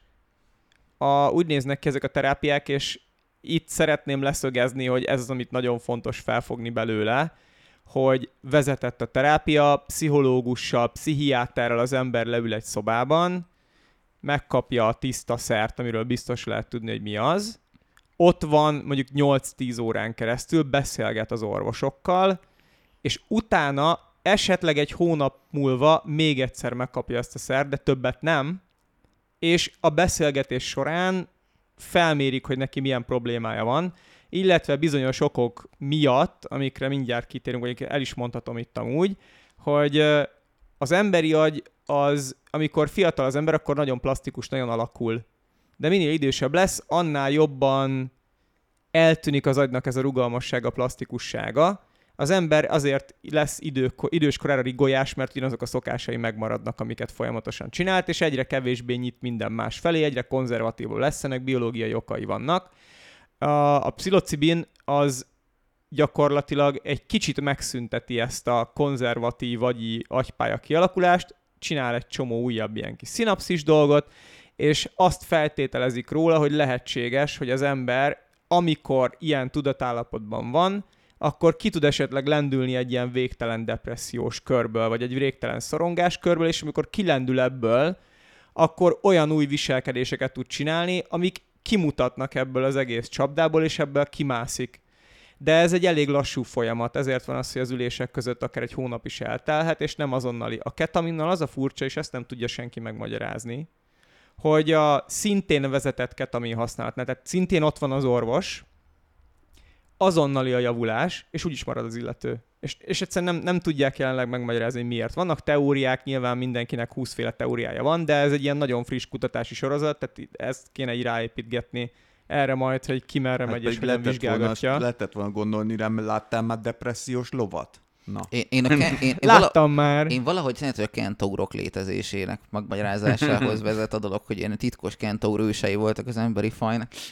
Szóval nem, nem lehet tudni amúgy, hogy a, a ketamin miért hat. A, itt viszont, amit már egyszer kihangsúlyoztam, hogy ez mindig vezetett körülmények között orvosokkal történik, és mielőtt megtörténnek ezek a tesztek, nagyon sok mindent felmérnek a páciensben, és az egyik ilyen felmérés az pont, amit a Lilla felhozott a THC-val kapcsolatban, ez a skizoid személyiségzavarnak a, a megléte. Az a nem probléma, a személyiségzavar. Hát akkor a skizoid gén, vagy nem tudom, tulajdonság? Nem, nem. Ugye van a skizofrénia, mint egy, ja, igen, hát gyakorlatilag egy spektrumzavar, és van amúgy skizoid személyiségzavar, de az teljesen más a kettő. A, a személyiségzavarok azok a teljes személyiségedre ki, kihatnak, és az élet minden területét átszövő problémát okoznak. nyilván egy ö, szkizofrénia olyan, amire így nehéz elkülöníteni, mert ugye alapvetően aki ezzel együtt él, az, az sajnos a társadalom számára eléggé egy kivetett valaki. Ö, szóval nehéz ilyen laikus szemmel meghúzni a határ, de, de amiről te most beszélsz, az kifejezetten a szkizofrénia. A, akkor a skizofrénire gondoltam, igen, az én, én fejem, ezt hallottam már többször erről, de valamiért így mindig összemosódik. Nyilván így a nevezéktanja nem a legszerencsésebb. Igen, meg a, ugye a köznyelvben a ö, szkizofréniát összeszokták mosni a diszociatív személyiség Igen. ö, állapotokkal, ilyen depersonalizáció, derealizáció, stb. Mindegy. A lényeg az, hogy nem arról beszélünk, amikor több személyisége van Igen, az igen. illetőnek, hanem amikor különféle ugye halucinációi, általában akusztikus halucinációi vannak egy ugye csökkent érzelem kifejezés mellett. Hallja Isten hangját, ugye? Na, szóval visszatérve, a... csak olyan emberek kaphatnak ilyen gyógyszereket és részesülhetnek ilyen terápiában, akikben nincs meg az esélye annak, hogy valamilyen módon lappang bennük ezek szerint akkor a skizofrénia. Mert ezek a szerek amúgy ezt elő tudják hozni. Biztos hallottatok már ilyen legendákról, hogy valaki fogyasztott valami tudatmódosítószert, és megbolondult tőle, és úgy maradt. Ez nem teljesen igaz, mert nem megbolondult tőle, és úgy maradt, hanem már benne van ez a zavar. És... És, Felerősíti. és hát, vagy felszíre, hozza. hozza azt Úgyhogy ez, ez azért problémája ennek, ezért van az, hogy ezt csak vezetettel lehet orvosokkal megcsinálni. Tehát, hogyha valaki most leszűrt ebből a beszélgetésből azt, hogy most depressziós, és azért gyorsan szerez valahonnan varázsgombát, akkor ezt ne csinálja, mert simán lehet, hogy rosszabbul jön ki ebből a helyzetből, mint ahogy. Viszont ez elkezdődött szépen piacra került, és ö, piacra került, ez hülye szó, de elkezdték pszichológusok, pszichiáterek használni, és ez egy nagyon hasznos iránya annak, hogy ezeket a szereket végre jóra lehessen használni. Majdnem tettem egy olyan cinikus megjegyzést, hogy ha a pszichológusok és pszichiáterek rájönnek arra, hogy be kell drogozni a pácienseket, akik hozzájuk jönnek és befekszenek a fotelbe, valójában arra jöttek rá, hogy hogyan lehet még klienseket szerezni, és tartósan megtartani őket, de ennél azért komolyabb dologra és Hát erről értelmesebb azért- dologról van erről szó. ugye azért Igen. elég nagy ö, mókamémek születtek, amikor még először kezdték el legalizálni a marihuánát az Amerikai Egyesült Államok bizonyos területén, és ugye először, meg most is van sok hely, ahol csak az orvosi marihuána van legalizálva, de viszont ugye hatalmas pénz van benne, ezért nagyon-nagyon-nagyon-nagyon-nagyon könnyű megszerezni azt a öm, kártyát, ilyen vitkárnak hívják angolul, ahol neked fölírja az orvos, hogy itt tehát tényleg ez itt bemész, és akkor na neked milyen bajod van? Hát ö, egyszer fájt a kis súlyom, tessék itt van, jó, akkor mindenre jó a marihuána. Jó, az hozzátenném, hogy ott Amerikában ugye ez azért történetet, mert annál még mindig jobb, mint hogyha mindenre felírnák az ópiátokat.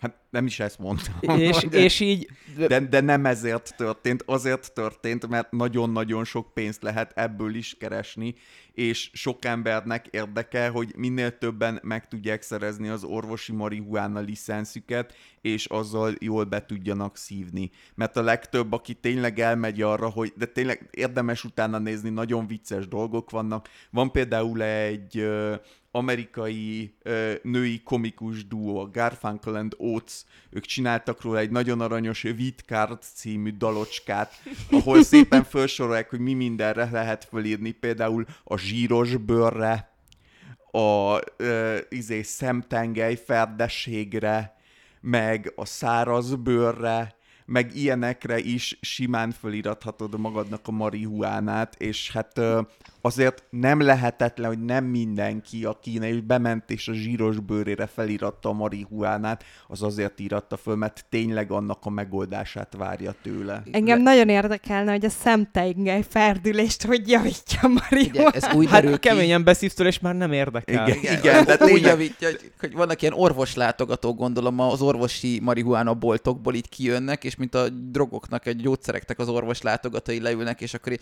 így meginvitálják az orvosokat vezet egy ilyen jamaikai kis goa partira, hogy gyertek Már be. nem kell jamaikai, tökéletesen legális, szép ottani helyi orvosi laboratóriumokba is meg tudják csinálni. És igen, egyébként az összes ilyenre az van, hogy ugye nyugtató hatása van, mert valóban, és akkor, hogyha neked például mondjuk komoly stresszt okoz az, okoz az életedben az, hogy szemtengely ferdességed van, akkor ez tök jó indok arra, hogy hát de hogyha jól beszívok, mint az állat, akkor már is sokkal nyugodtabb vagyok ezzel kapcsolatban, és akkor jobban, jobb lett az életed. Hát mondjuk ugye a depresszió mellett a szorongásos tüneteknek, hát most szorongásban szenvedő emberek száma is megnőtt, ugye valószínűleg megint azért, mert egyre több ember megy el mondjuk pszichiáterhez. Hát meg amúgy a Covid se segített sokat. Meg, Ja. meg ugye a háború sem segített Igen. sokat, meg az infláció, meg a világégés, meg hogy tényleg, mit tudom én, jön Greta Thunberg, és nem Már. tudja megakadályozni, hogy elfő a bolygó.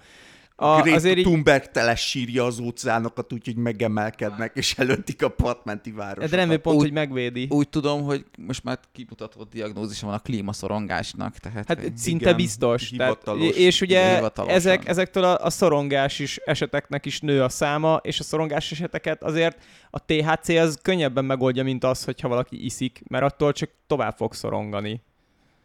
Hát um, úgy fogunk ez kini- azért szerintem egy kicsit a leegyszerűsítés Jó, helyzetnek, de oké, csak- valóban kínál egy alternatív Igen. megoldást. Mindegy, tehát Nem lesz rossz, nem lesz rosszabb, Be- mint ezeket a problémákat- leszel. ezeket a problémákat oldja meg tényleg. És most neked teszem- lehet, hogy nem lesz rosszabb, de azért a családodnak például valószínűleg jobb. Én például lehet nem ilyen kiegyensúlyozott személyiség lennék, hogyha esetleg azok az életemben, akik ittak, azok ehelyett mondjuk THC-t fogyasztottak volna. Kicsit nyugodtabb lennék feltételezhetően. van az, a, van az a film jelenet, nem tudom melyik filmben van, hogy itt süllyed el a sziget, és akkor így dalolásznak békésen, és akkor egy hajóból kiabálnak. Titanic. Nem, nem, nem, nem. Nem egy ilyen, a, az Atlantis, Atlantis süllyed el gyakorlatilag, egy régi film, kb. a Brian élete kinézetében vannak a, a settingben. A, izé- csak hogy azt akarom mondani, hogy kb. a világ problémáira végül az emberiség egy ilyen megoldást talál, hogy így mi, minden szar beüt, de nem baj, mi csak így dalolászunk és éneklünk, és- mint a kutya a tűzben, hogy it's fine. Nézd, egyébként az a része, hogy, hogyha tehát ha mondjuk egy olyan probléma melül fel az életedben, amit amúgy nem tudsz megoldani, és akár most csak, hogy folytassuk a vidám témákat, mondjuk halálos beteg vagy, vagy valami hasonló, akkor azért az egy elég jó fegyvertény, hogy mondjuk vannak olyan szerek, amivel relatív normálisan tudod érezni magad az utolsó napjaidban, és nem az van, hogy visítasz, mint a ö, malac, mikor ölik. Igen, ez... Ez Ettől nem szép. lett kevesebb így a depressziós hajlam kialakulása a hallgatóink körében. Mint- Honnan tudod? Lehet, hogy ettől mindenki fölvidult. De az a lényeg, hogy már úton vannak azok a megoldások feltételezhetően, amikkel majd így lehet nem SSRI-kkel gyógyítani a depressziót. Majd meglátjuk, mert amúgy tényleg ezek most mentek át a fázis 3 kísérleteken, és most kezdték alkalmazni, ez azért azt jelenti, hogy innentől kezdve ezek el fognak terjedni, ha hatékonyak, és innentől kezdve lesz adat rá, hogy hatékonyak-e. Eleve én úgy tudom, hogy már alapból sokat változott a depresszió gyógyszerelése, mert hogy eddig, ha jól tudom, vagy sokáig ugye csak simán pótolták a szerotonint, ami ugye olyan, mint hogyha a vérzésedre, a belső vérzésedre septapaszt raktak volna, és nem, nem, kapsz vért rá. Kb. Igen, a, Igen, pont az ez egy az SSRI-k, ezek így működtek. Így Nagyon sok ilyen típusú gyógyszer volt, ezeknek a legújabb verzió az SSRI, amiről azt gondolták, hogy ez jó ötlet lesz, de ez tényleg csak tüneti kezelés. Uh-huh. Hát arra jó, hogy a pszichológussal tudsz, elmész a pszichológushoz, és tudsz vele beszélni. Igen, igen, igen. Meg a másik ilyen csodaszer, amit most így nagyon kutatnak, mert az nem csak simán a depressziót, hanem még 15 másik dologra ú, nagyon ígéretes, a PTSD-től kezdve, amúgy ironikus módon a drogfüggésig az az ayahuasca. Igen, a, sőt az ayahuasca-val az volt érdekes, hogy van egy híres börtönkísérlet is valahol Közép-Amerikában, ahol visszaeső börtöntöltelékekkel itatták meg az ayahuascát, meg volt egy másik csoport, akikkel placebót, és kimutatható, hogy akik ayahuascát ettek, azok kevésbé jöttek vissza utána a börtönbe, tehát kevesebb mennyiségű új Ahol ilyet itatnak velem, Igen, oda én vissza nem megyek. Én is biztos. röhögtem, mert állítólag attól ilyen újraszületés, halál újraszületés élményed van, és lehet, hogy nem akartak visszamenni a börtönbe soha többet. Ö, Az ayahuasca meg ugye a DMT-nek a, az ayahuasca a idézelbe természetes verziója, és akkor Igen, a DMT az két, a két kombó van. A, Ez valami kaktusznak a leve, nem? a ö, kombinált, ezt nem tudom pontosan, de az a lényeg, hogy van, van az egyikben egy hatóanyag, az egyik növényben, a másik növényben pedig van egy olyan anyag, ami azt az enzimet semlegesíti az embernek az emésztő csatornájában, ami az elsőnek a hatóanyagát lebontaná. És ezt a kettőt rátaláltak az indiánok erre a kétszerre, így együtt, és tehát nem tudom, hogy mit csináltak, tehát kipróbáltak mindent a dzsungelben, minden párosításban, de sikerült megtalálniuk ezt a, ezt a kombinációt, és ugye ezt rituálisan használták. Tehát azért ennek az esélye elég kicsi, Volt de rá pár évszázadok. Hát igen. Tehát ez, én úgy tudom, hogy ez két anyag. Hát feltetőleg, hogyha mondjuk az elsőt bevették, akkor annak önmagában is volt valamennyi hatása, csak mondjuk nem olyan erős. És akkor, hogyha azt tették, és egyszer valaki beette mellé a másik füvet, és meglátta az óriási tollas kígyót, hogy azt a kurva, akkor valószínűleg az elég hamar elterjedt. Az egyik sámán nagyon kísérletező kedvű volt. Hát meg én, Egy- csak ugyanez a példa, hogy, hogy elvileg vannak, a, ezt már lehet, említettem is, vannak a mérges gombák, meg ugye a nem, az, hogy fogyaszthatók, és vannak vagy a kettő közötti típus, hogy mit tudom, én, 20 percig 100 fokon forralod, akkor nem mérgező, hanem meg lehet tenni, hogy ja, erre hogy jöttek rá, tehát hogy így, Hát arra úgy, úgy jöttek rá valószínűleg, hogy mindig betették a nagy pörköltjébe, és Igen, aztán és egyszer, egyszer a nem. kis Jancsika mohó volt, és hoppá, ezt akkor, akkor sokáig kéne főzni. hát vagy Kovácsék rajta hagyták a tűzön a pörköltet a faluban, az összes többi meg nem, és De amúgy a, ami érdekes ezen, és akkor a szakértő embereket kérdezném a csoportban, hogy mi a helyzet ezzel az ajahuaszkával azon a téren, hogy nagyon sok helyről jön ez, mint ilyen csudadrog azon a, olyan téren, hogy állítólag akik ezt benyalják, akkor azok mind nagyon-nagyon hasonló látomásokat látnak, tehát nagyon hasonló ilyen figurák tűnnek föl, akik hasonló módon viselkednek. A mechanikus elfek. Igen, a mechanikus elfek, meg a nagy kék kígyó talán, vagy valamilyen nagy kígyó van, meg egy nagyon nagy nő, aki, aki megjelenik, és ajahuaszka dolgokat mond neked, amitől Én jobb lesz nem az tudom. életed. A, ha így gyorsan kéne hipotézist felállítani, akkor szerintem az van, hogy olyasmi, olyan agypályákat aktivál, amik valamiért ilyen alakzatokat fognak a vizuális kérgen létrehozni. Nem tudom. Fogalmam nincs. Vagy pedig ilyen kollektív pszichózis, hogy hallotta valahol az ember, már csak nem figyelt rá, és ez ilyenkor bevillan. Fene tudja. Aha, csak kíváncsi voltam, hogy van-e erre valami kutatás, mert ez szerintem tök érdekes. Lehet amúgy, hogy Lehet, hogy van, de még nem róla. olvastam én se utána. vagy, vagy ezek a dolgok egyébként itt vannak, csak láthatatlanok, és a cucca. Én szeretnék- Igen, nyilván ez, a, nyilván ez a legvalószínűbb Szeretnék hinni a mechanikus elfekben. A, a, hangzik. az, hát nem Ez tudom. úgy hangzik, mint a robot zsidók. Amúgy igen, amikor elősz, először olvastam róla, akkor nekem is csak aztán néztem róla a képeket, mert nyilvánvalóan az, hogy meghallod azt, hogy az emberek mechanikus elfeket izé halucinálnak, az így megmozgatja a fantáziádat, és egy kicsit azért creepy, mint amit az ember elképzel. Mert vannak művészek, akik ezt megfestették. Hát nem tudom, Hát én eleve elég creepy-nek képzeltem el őket, tehát mindegy, a, de, de ugye nyilván nem az, or, az az orvosi felhasználása, hogy mechanikus elfeket akar láttatni veled, Hát mert jó, onnantól de kezdve nem hogyha leszel megetetik veled, és azt látod, akkor tök mindegy, hogy mi az orvosi felhasználás. És akkor érted, még ott halucinálod a mechanikus elfeket, magad alá szarsz annyira parák, és utána kijössz az izéből, ki, kijössz a tripből, ránéz az orvos, a doktor úr, jöttek a mechanikus elfek, és még jól le is basznak, hogy nem azért van itt, hogy mechanikus elfeket halucináljon, gyógyuljon már meg a picsába, az húzzon haza. Nem jó, Eh. írtam be a dolgot, én úgy látszik, mechanikus, el, mechanik, na, elfműszerészeket dobott ki. De írd be, mellé, írd be mellé a Google-be, hogy ajahuaszka, vagy valami hasonlót szerintem. Ez, hogy hozzá akartam, hogy Gábor, ne te legyél az a pszichiáter, aki majd emberekre vigyázol, amikor Hát kijönnek az ajahuaszka tripből. Mondjuk a, de az utolsó lényeg, amit meg akartam még érezni, az MDMA. Az MDMA-t arra használják amúgy, hogy PTSD-t ö, gyógyítsanak vele, és ez kifejezetten azért, mert ez egy ilyen empatogén, entaktogén anyag, és ha azt beveszi valaki, akkor képes beszélni olyan traumákról is, amikről amúgy nem lenne képes beszélni, és nem kell hozzá egy-két év pszichológusi segítség, hanem így kijön belőle, mert megszűnnek azok a gátak, amik ezt mélyen tartják. Ami amúgy az MDMA-ról elmondható, az, hogy ezek alapján amúgy megint, hogyha valaki nem orvossal veszi ezt be, akkor nem biztos, hogy jó ötlet, mert ezt használták ilyen vallató drognak is, így mindent el fog magáról mondani, még azt is, amit nem szeretne, úgyhogy azért itt nem árt, hogyha ott a pszichológus. Fóbiákat is akarnak vele kezelni, nem? Valahol. Na ez egy jó kérdés, én a fóbia kezelésről ezt nem olvastam, ott, ott hasz, olvastam mindenféle dolgot, például, hogy nem tudom, így ilyen kismértékben ugyanazokkal a fóbiákkal ijesztgetnek, és akkor majd talán elmúlik, de Hát ez de az már régóta, de az nem, nem az, aznak nincs kapcsolata semmiféle A- szerhez, az csak uh, Az csak egy módszer. Na, igen, az exposure therapy, hogy Igen, hogyha igen, igen. kénytelen vagy belátni, hogy nem történik semmi, akkor Hát én, én kutatásokat a, a PTSD-re találtam direkt, valószínűleg ez is ilyen észak-amerikai sajátosság lehet, hogy ott merült elő, és ott azért elég sok uh, háborús veteránnak van PTSD-je, és ezért ez egy nagyon központi téma.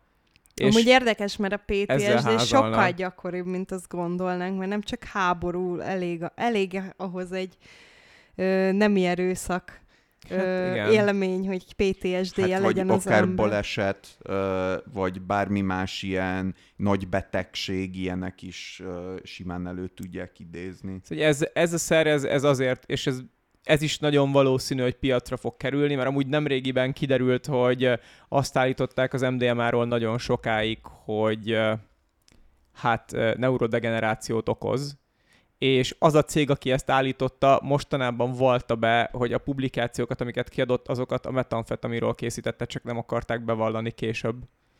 És De amúgy miért?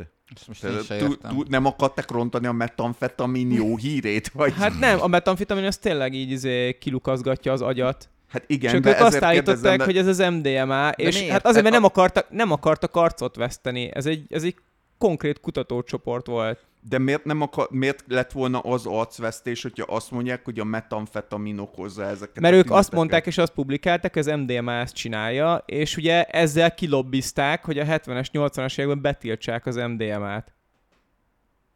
És utána kiderült, hogy az, amire ezt az Jó, jó, egészet jó, de az a kérdés, hogy ered, tehát eredetileg miért volt ez a cél? Tehát eredetileg Volt egy miért... hipotézisük, és ezt akarták bebizonyítani, és rájöttek, hogy nem bizonyítható, hanem kiderült, Nem. hogy valami más tudsz csinálni. De ezt nem lehet, hogy lehet, miért hogy- kísérleteztek a metamfetaminnal, és miért mondták rá azt, hogy ez az MDMA? hát ezt tőlük kell megkérdezni. Nagyon ja, jó. jó, tehát ez az MDMA-t akarták, az MDMA-t akarták igazolni a, azt, hogy az neurodegenerációt okoz.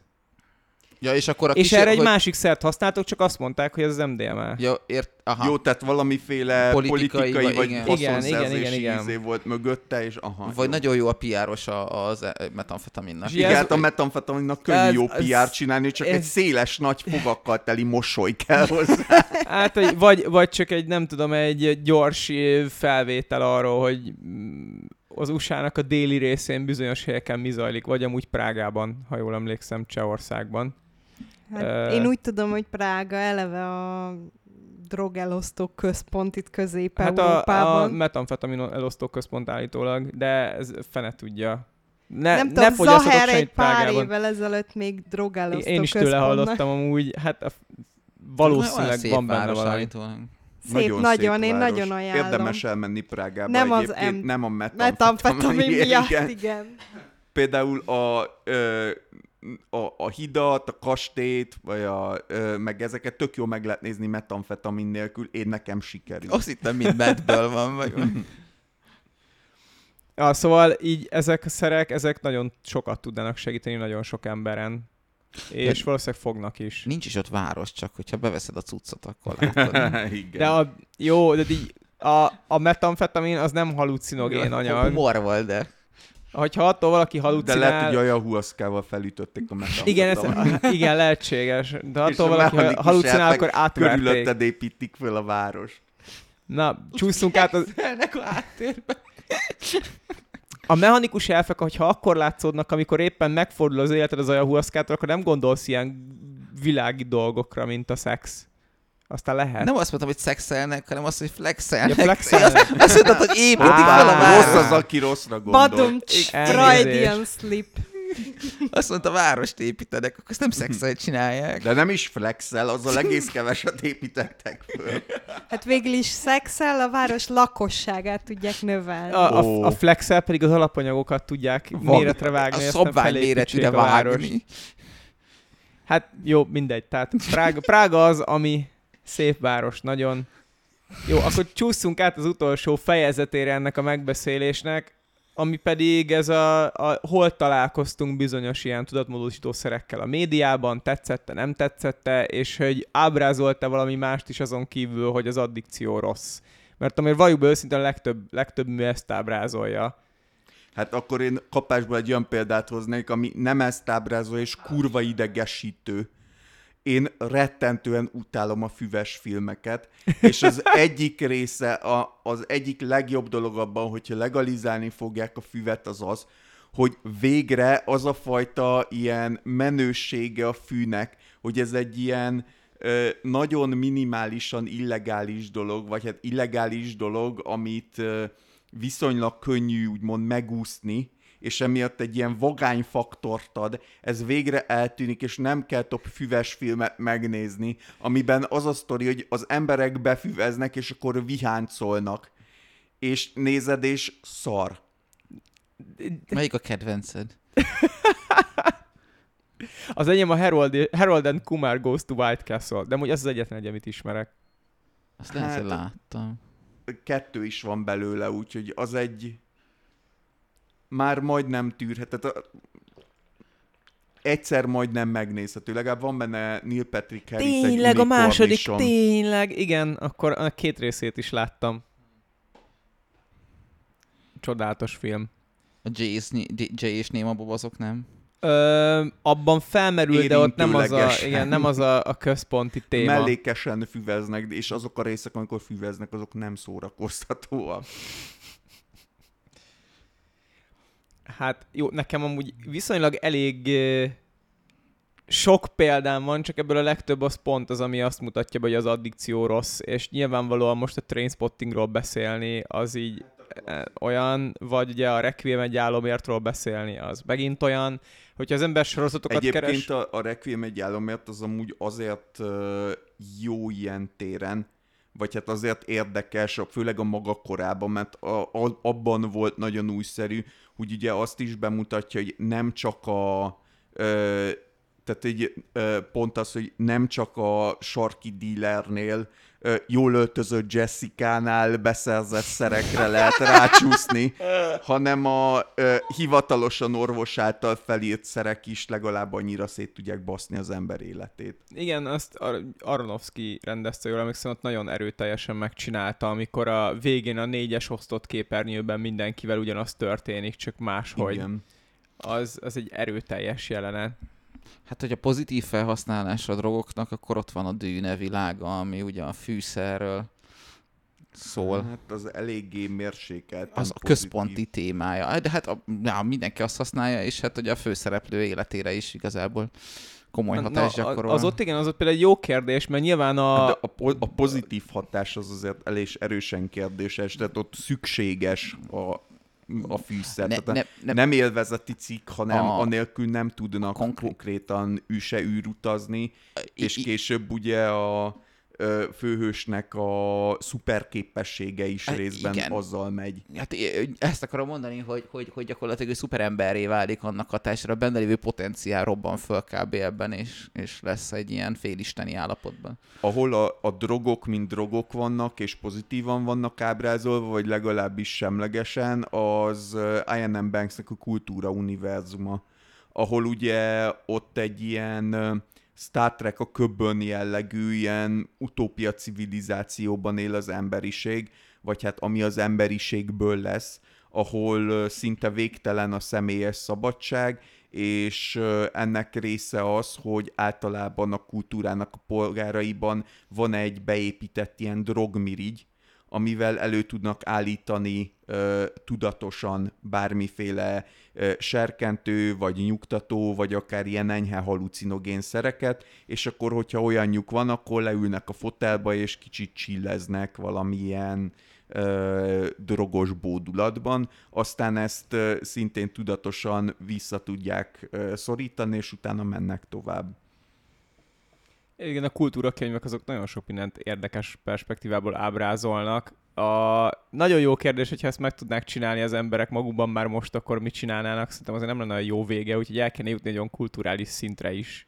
Hát ugye itt ez a, ö, ennek a megoldása a kultúra univerzumban, nyilván rendszerint nem ez van ábrázolva, mert ebből azért viszonylag ö, nehéz egy jó skifi regényt írni, hogy, izé, hogy valaki leült a kanapéra, és akkor tök jól el ö, ö, agyfüvezett ott magában, de ott ugye nyilván az a megoldás, hogy hát igen, ö, a társadalom egy ilyen szituációban akkor ö, felvállalja azt, hogy lesznek olyanok, akik ezzel teljesen lemorzsolódnak a társadalomból olyan módon, hogy ö, semmi hasznosat nem fognak csinálni, vagy semmit nem fognak csinálni, hanem egyfajta ilyen drogmámorban leélik az életüket és viszlát. De mivel ugye a kultúra univerzum az olyan szinten utópia, hogy az abban élő embereknek semmiféle kötelezettségük nincs a társadalom irányába gyakorlatilag, tehát nincsen munka meg ilyenek, vagy kötelező jellegű munka, ezért ott ez működik. A mai világban ez a nem a fotelba ül le, hanem így vezetés közben, meg munka közben, meg, meg úgy akárhol így elkezdenék használni, hirtelen megjelenne egy ilyen drogmirigy, ami érdekes lenne. Hát azért, hogyha vezeté... hamar kiszelektálódnának azok az emberek, akik autóvezetés közben ezt így használnák. Igen, csak velük együtt még páran. Hát igen, ez a fő probléma. Ahol ez a téma boncolgatva van, és nem csak abból a szempontból, hogy a drog rossz, ez a Huxley féle szép új világ. Ugye ez szerintem ilyen alapmű ezt a könyvet, ezt mindenkinek érdemes elolvasni. Én Ott, nagyon gyerekként olvastam, nagyon beteg volt. Hát nem tudom, szerintem, hogy az egy nagyon érdekes ilyen filozófiai kérdést vet föl. Ott ugye az emberek kapnak egy olyan szert, amitől folyamatosan jól érzik magukat.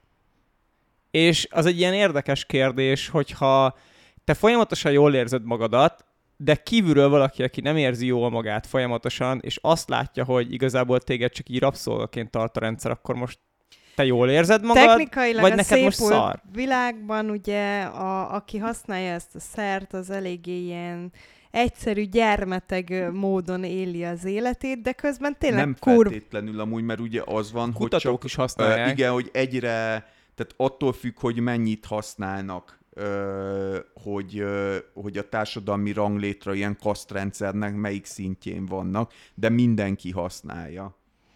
És egyébként igen, a, a szép új világban a legjobb ilyen vita kiváltó, hogy a szép új világ az utópia vagy disztópia. Mert ugye az tényleg a, a szép új világ azért egy zseniális könyv, mert ugye a végén az van, hogy tehát azért csináltak egy nagyon jó ilyen rendszert, mert a végén nem az történik, hogy azok, akik fogják, és ezt a rendszerre azt mondják, hogy ez egy szar rendszer, és fúj, fúj, és én nem akarok ebbe élni. Azokat nem, kerge, nem kezdi el kergetni a gondolatrendőrség, vagy a nem tudom kicsodák, hanem azt mondják neki, hogy Hát jó, akkor tessék, itt van ez a repülőgép, van az a sziget, ahol az olyan emberek élnek, mint ti, akik szerint ez a rendszer szar, sziasztok, ne gyertek vissza, képeslapot ne küldjetek. És akkor elmennek oda, és az a szép... Jó, aki nem akarja, hogy leszpoilerezzem a szép új világnak a végét, az most állítsa meg, olvassa el, és jöjjön vissza. Tehát az a vég, hogy elmennek erre a szigetre, és ott is tök szar nekik. És, és se így nem jó, se úgy nem jó, pont azért, amit a Gergő is mondott, hogy igen, amíg benne vagy ebben a rendszerben, addig te egy utópiában élsz, mert nem tudod kívülről megnézni magad, és nem érted, hogy ennek a szernek a rabságában élsz, és viszont, hogyha ezt látod kívülről, akkor nem akarsz a szernek a rabságában élni, de viszont a puszta emberi létezésed soha nem tud annyi boldogsággal eltölteni, mint ez a szer. Kicsit hasonló témát vett fel az Equilibrium, nem tudom, láttátok-e? Igen, igen, igen. A Igen. filmje, szerintem egy jó film, csak a, eddig, eddig jut el, hogy mindenki be van drogozva gyakorlatilag, hogy ne érezzenek Spoiler érzelmeket. alert, Spoonbeam meghal benne. Jó, igen. Tehát Na é- hát. é- é- És, érze- és még a Monalizát is ott, ott, fölgyújtják. ott az érzelmeket nyomják el nagyon, mert hogy minden, minden, a világ minden problémájára az érzelmeket teszik meg okként, és egy érzelemmentes világban léteznek, és azt, azt nyomják el drogokkal. És akkor ugye az a kérdés vetül föl, hogy akkor van-e értelme úgy élni, ha nincsenek érzelmek. Ja. Igen, csak ott ez egy egyértelműen disztópikus világ. Igen. Igen.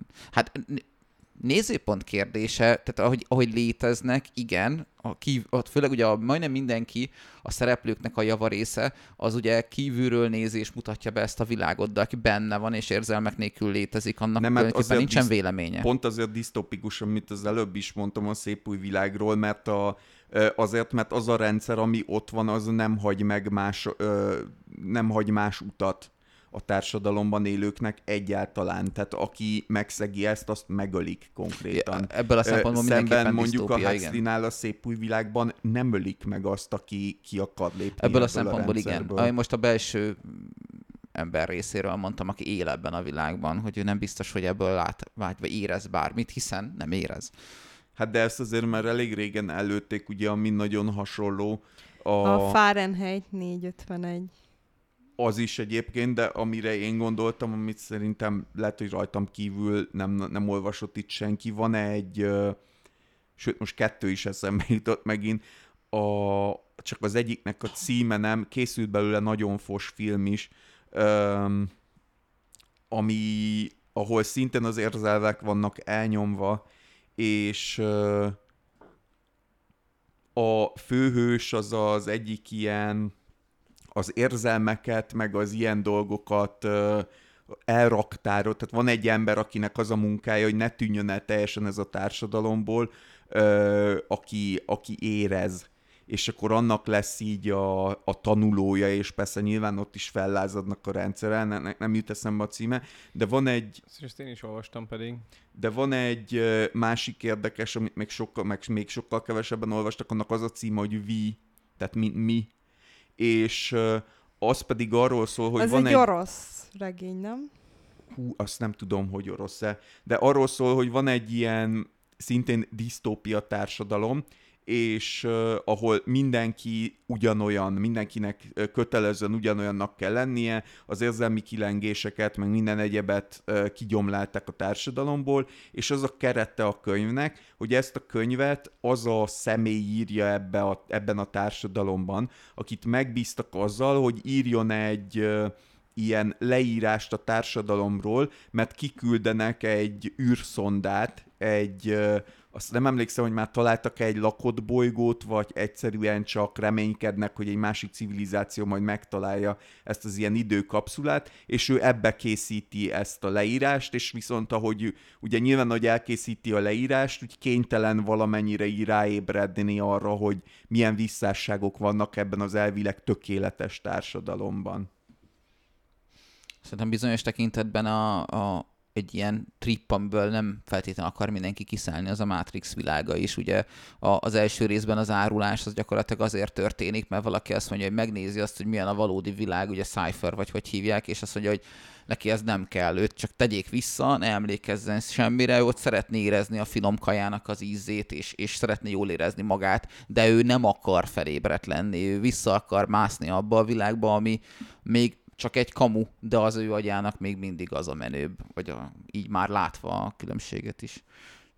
Hát ugye ez egy olyan dolog, amivel a, az addikció és a, az addiktológusok is elég sokat foglalkoznak, és elég nagy kérdés ennek az egész témakörnek, hogy amúgy egyébként, hogyha az embereknek a mentális, meg szociális, meg minden egyéb problémáját kezelnék, és nagyobb részben mondjuk olyan emberek találkoznának ezekkel a szerekkel, akik amúgy pszichológiailag, meg egyéb téren, meg egészségügyileg, meg családilag, meg minden egyébben rendben vannak, akkor vajon me- mekkora lenne az addikciónak az aránya? Mert azért nagyon nem mindegy, hogy mondjuk olyas valaki találkozik egy droggal, ami egy kicsit jobbá teszi neki az életet, akár közvetlenül, akár közvetetten, aki amúgy egy teljesen egészséges, stabil személyiség, biztos szociális, meg mondjuk anyagi háttérrel,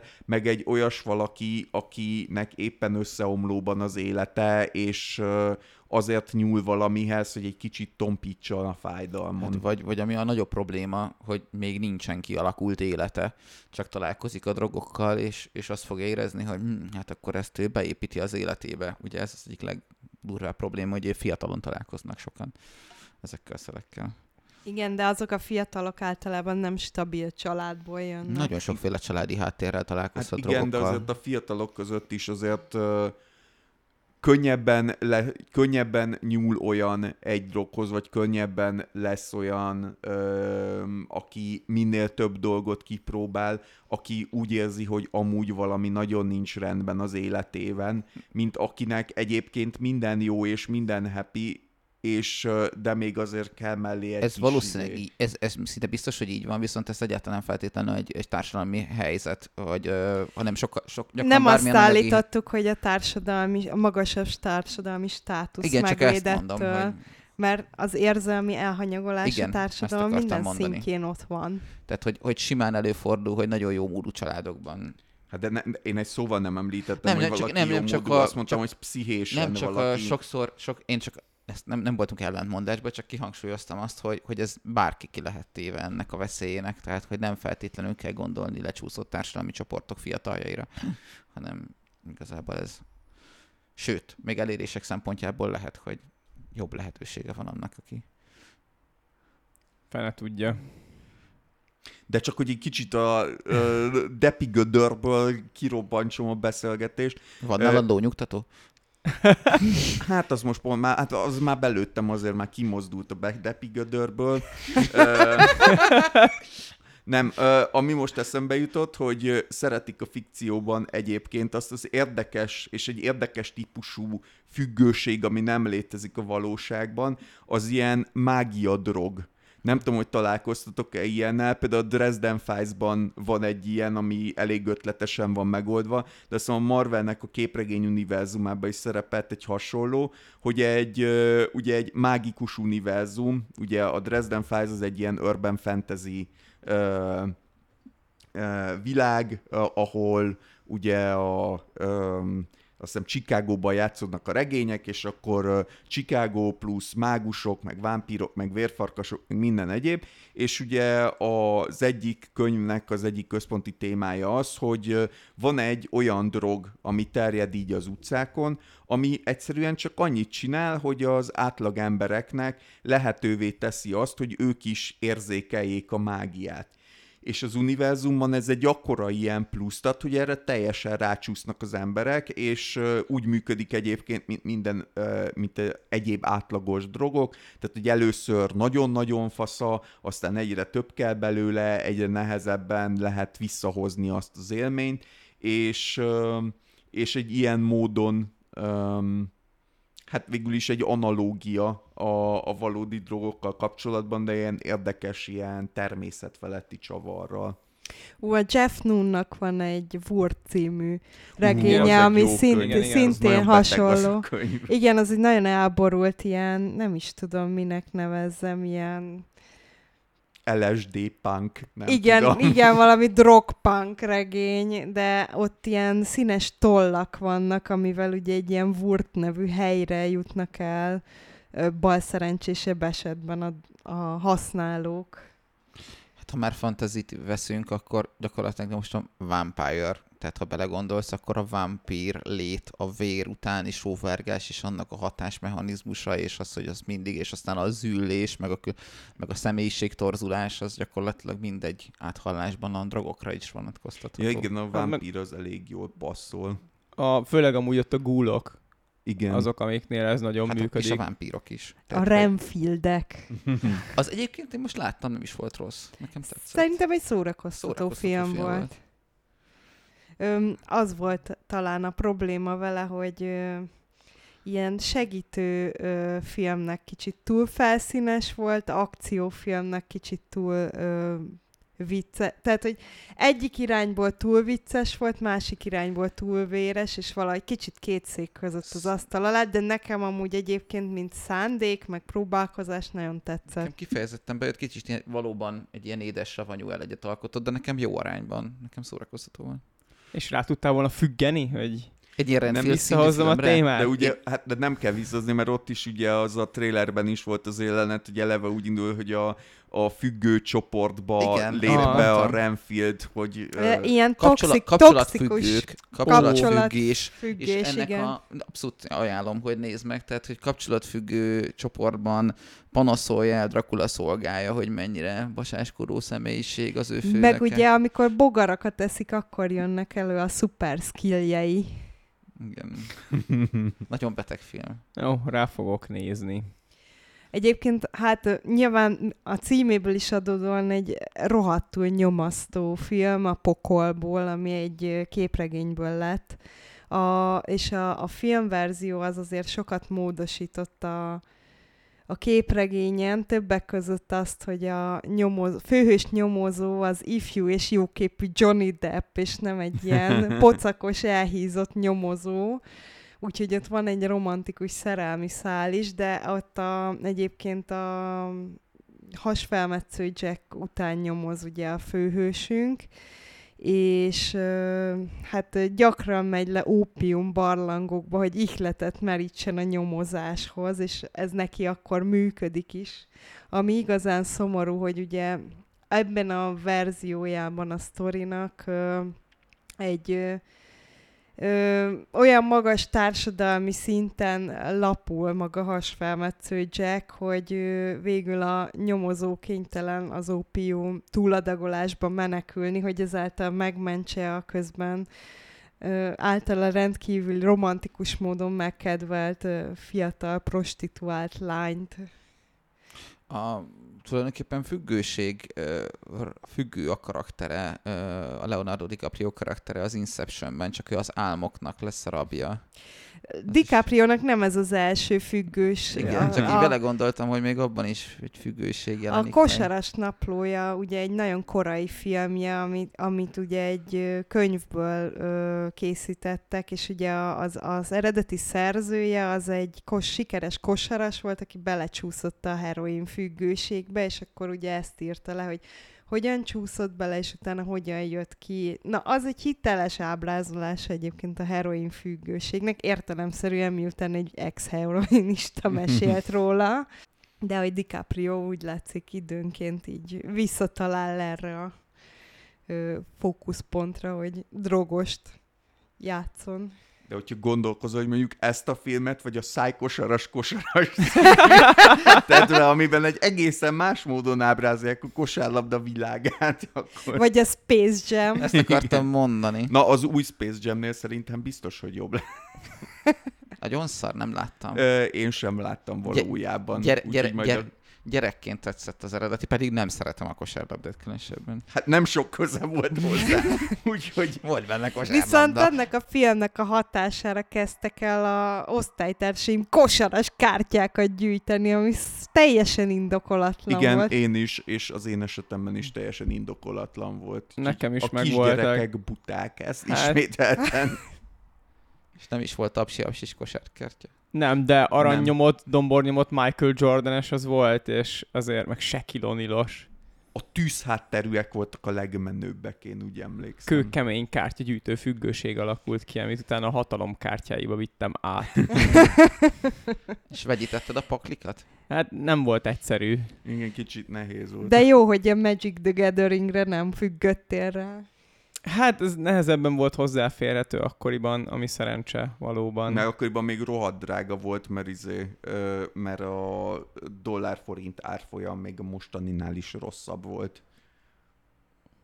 Szóval még ilyen dolgokra is rá lehet függeni, de szerintem így nagyjából átbeszéltünk mindent ebben az adásban, és a végére sikerült oda azt az öt percet, ami így el is kalandoztunk össze-vissza. Mi ennek Hú, vagyunk a függői. Filmekről beszélgettünk. Egy könyvet még kiemelnék, ugye Daryl Gregorynak kettő magyar nyelven megjelent könyve van. Az egyik kurva szar, a másik viszont nagyon jó, az After Party, ahol hát ugye nyilván van egy áthallásos jelentése a drognak, de hogy arról szól, hogy van egy jelenés nevű drog, ami, amit gyakorlatilag otthon egy ilyen házi okos nyomtatóval ki tudnak nyomtatni az emberek, és hát ö, nem feltétlenül a legjobb hatásokat hozza ki, tehát a, és a főhős az pont egyik a kifejlesztőinek ennek a drognak, és ugye onnan indul a konfliktus, hogy megpróbálja fölgörgetni, hogy ki, ki volt az, aki ezt megrendelte, és miért, és hogyan, és hát amerikai társadalom, egyház, stb. kritika erősen ez a skifi egyébként. De, de így egy kvázi drogfüggőségen keresztül mutatja be ezt az egészet. Úgyhogy a Stony Mayhall második élete helyett mindenképpen, ha valamelyik könyvét válasszátok, ez legyen az. hát akkor így lesz. és szerintem így megbeszéltünk a mindent, amihez hozzá akartunk nyúlni, úgyhogy ha valamit ebből leszűrhettetek, az, hogy semmit ne csináltok sohasem természetesen. Vagy csak vezetett otthon, pszichológussal. Ha nyertek két jegyet az ozorára, adjátok el. Költözetek be egy pszichológushoz. Igen, igen, mindent csak pszichológussal, és Két év múlva vezetve. végzek, just saying.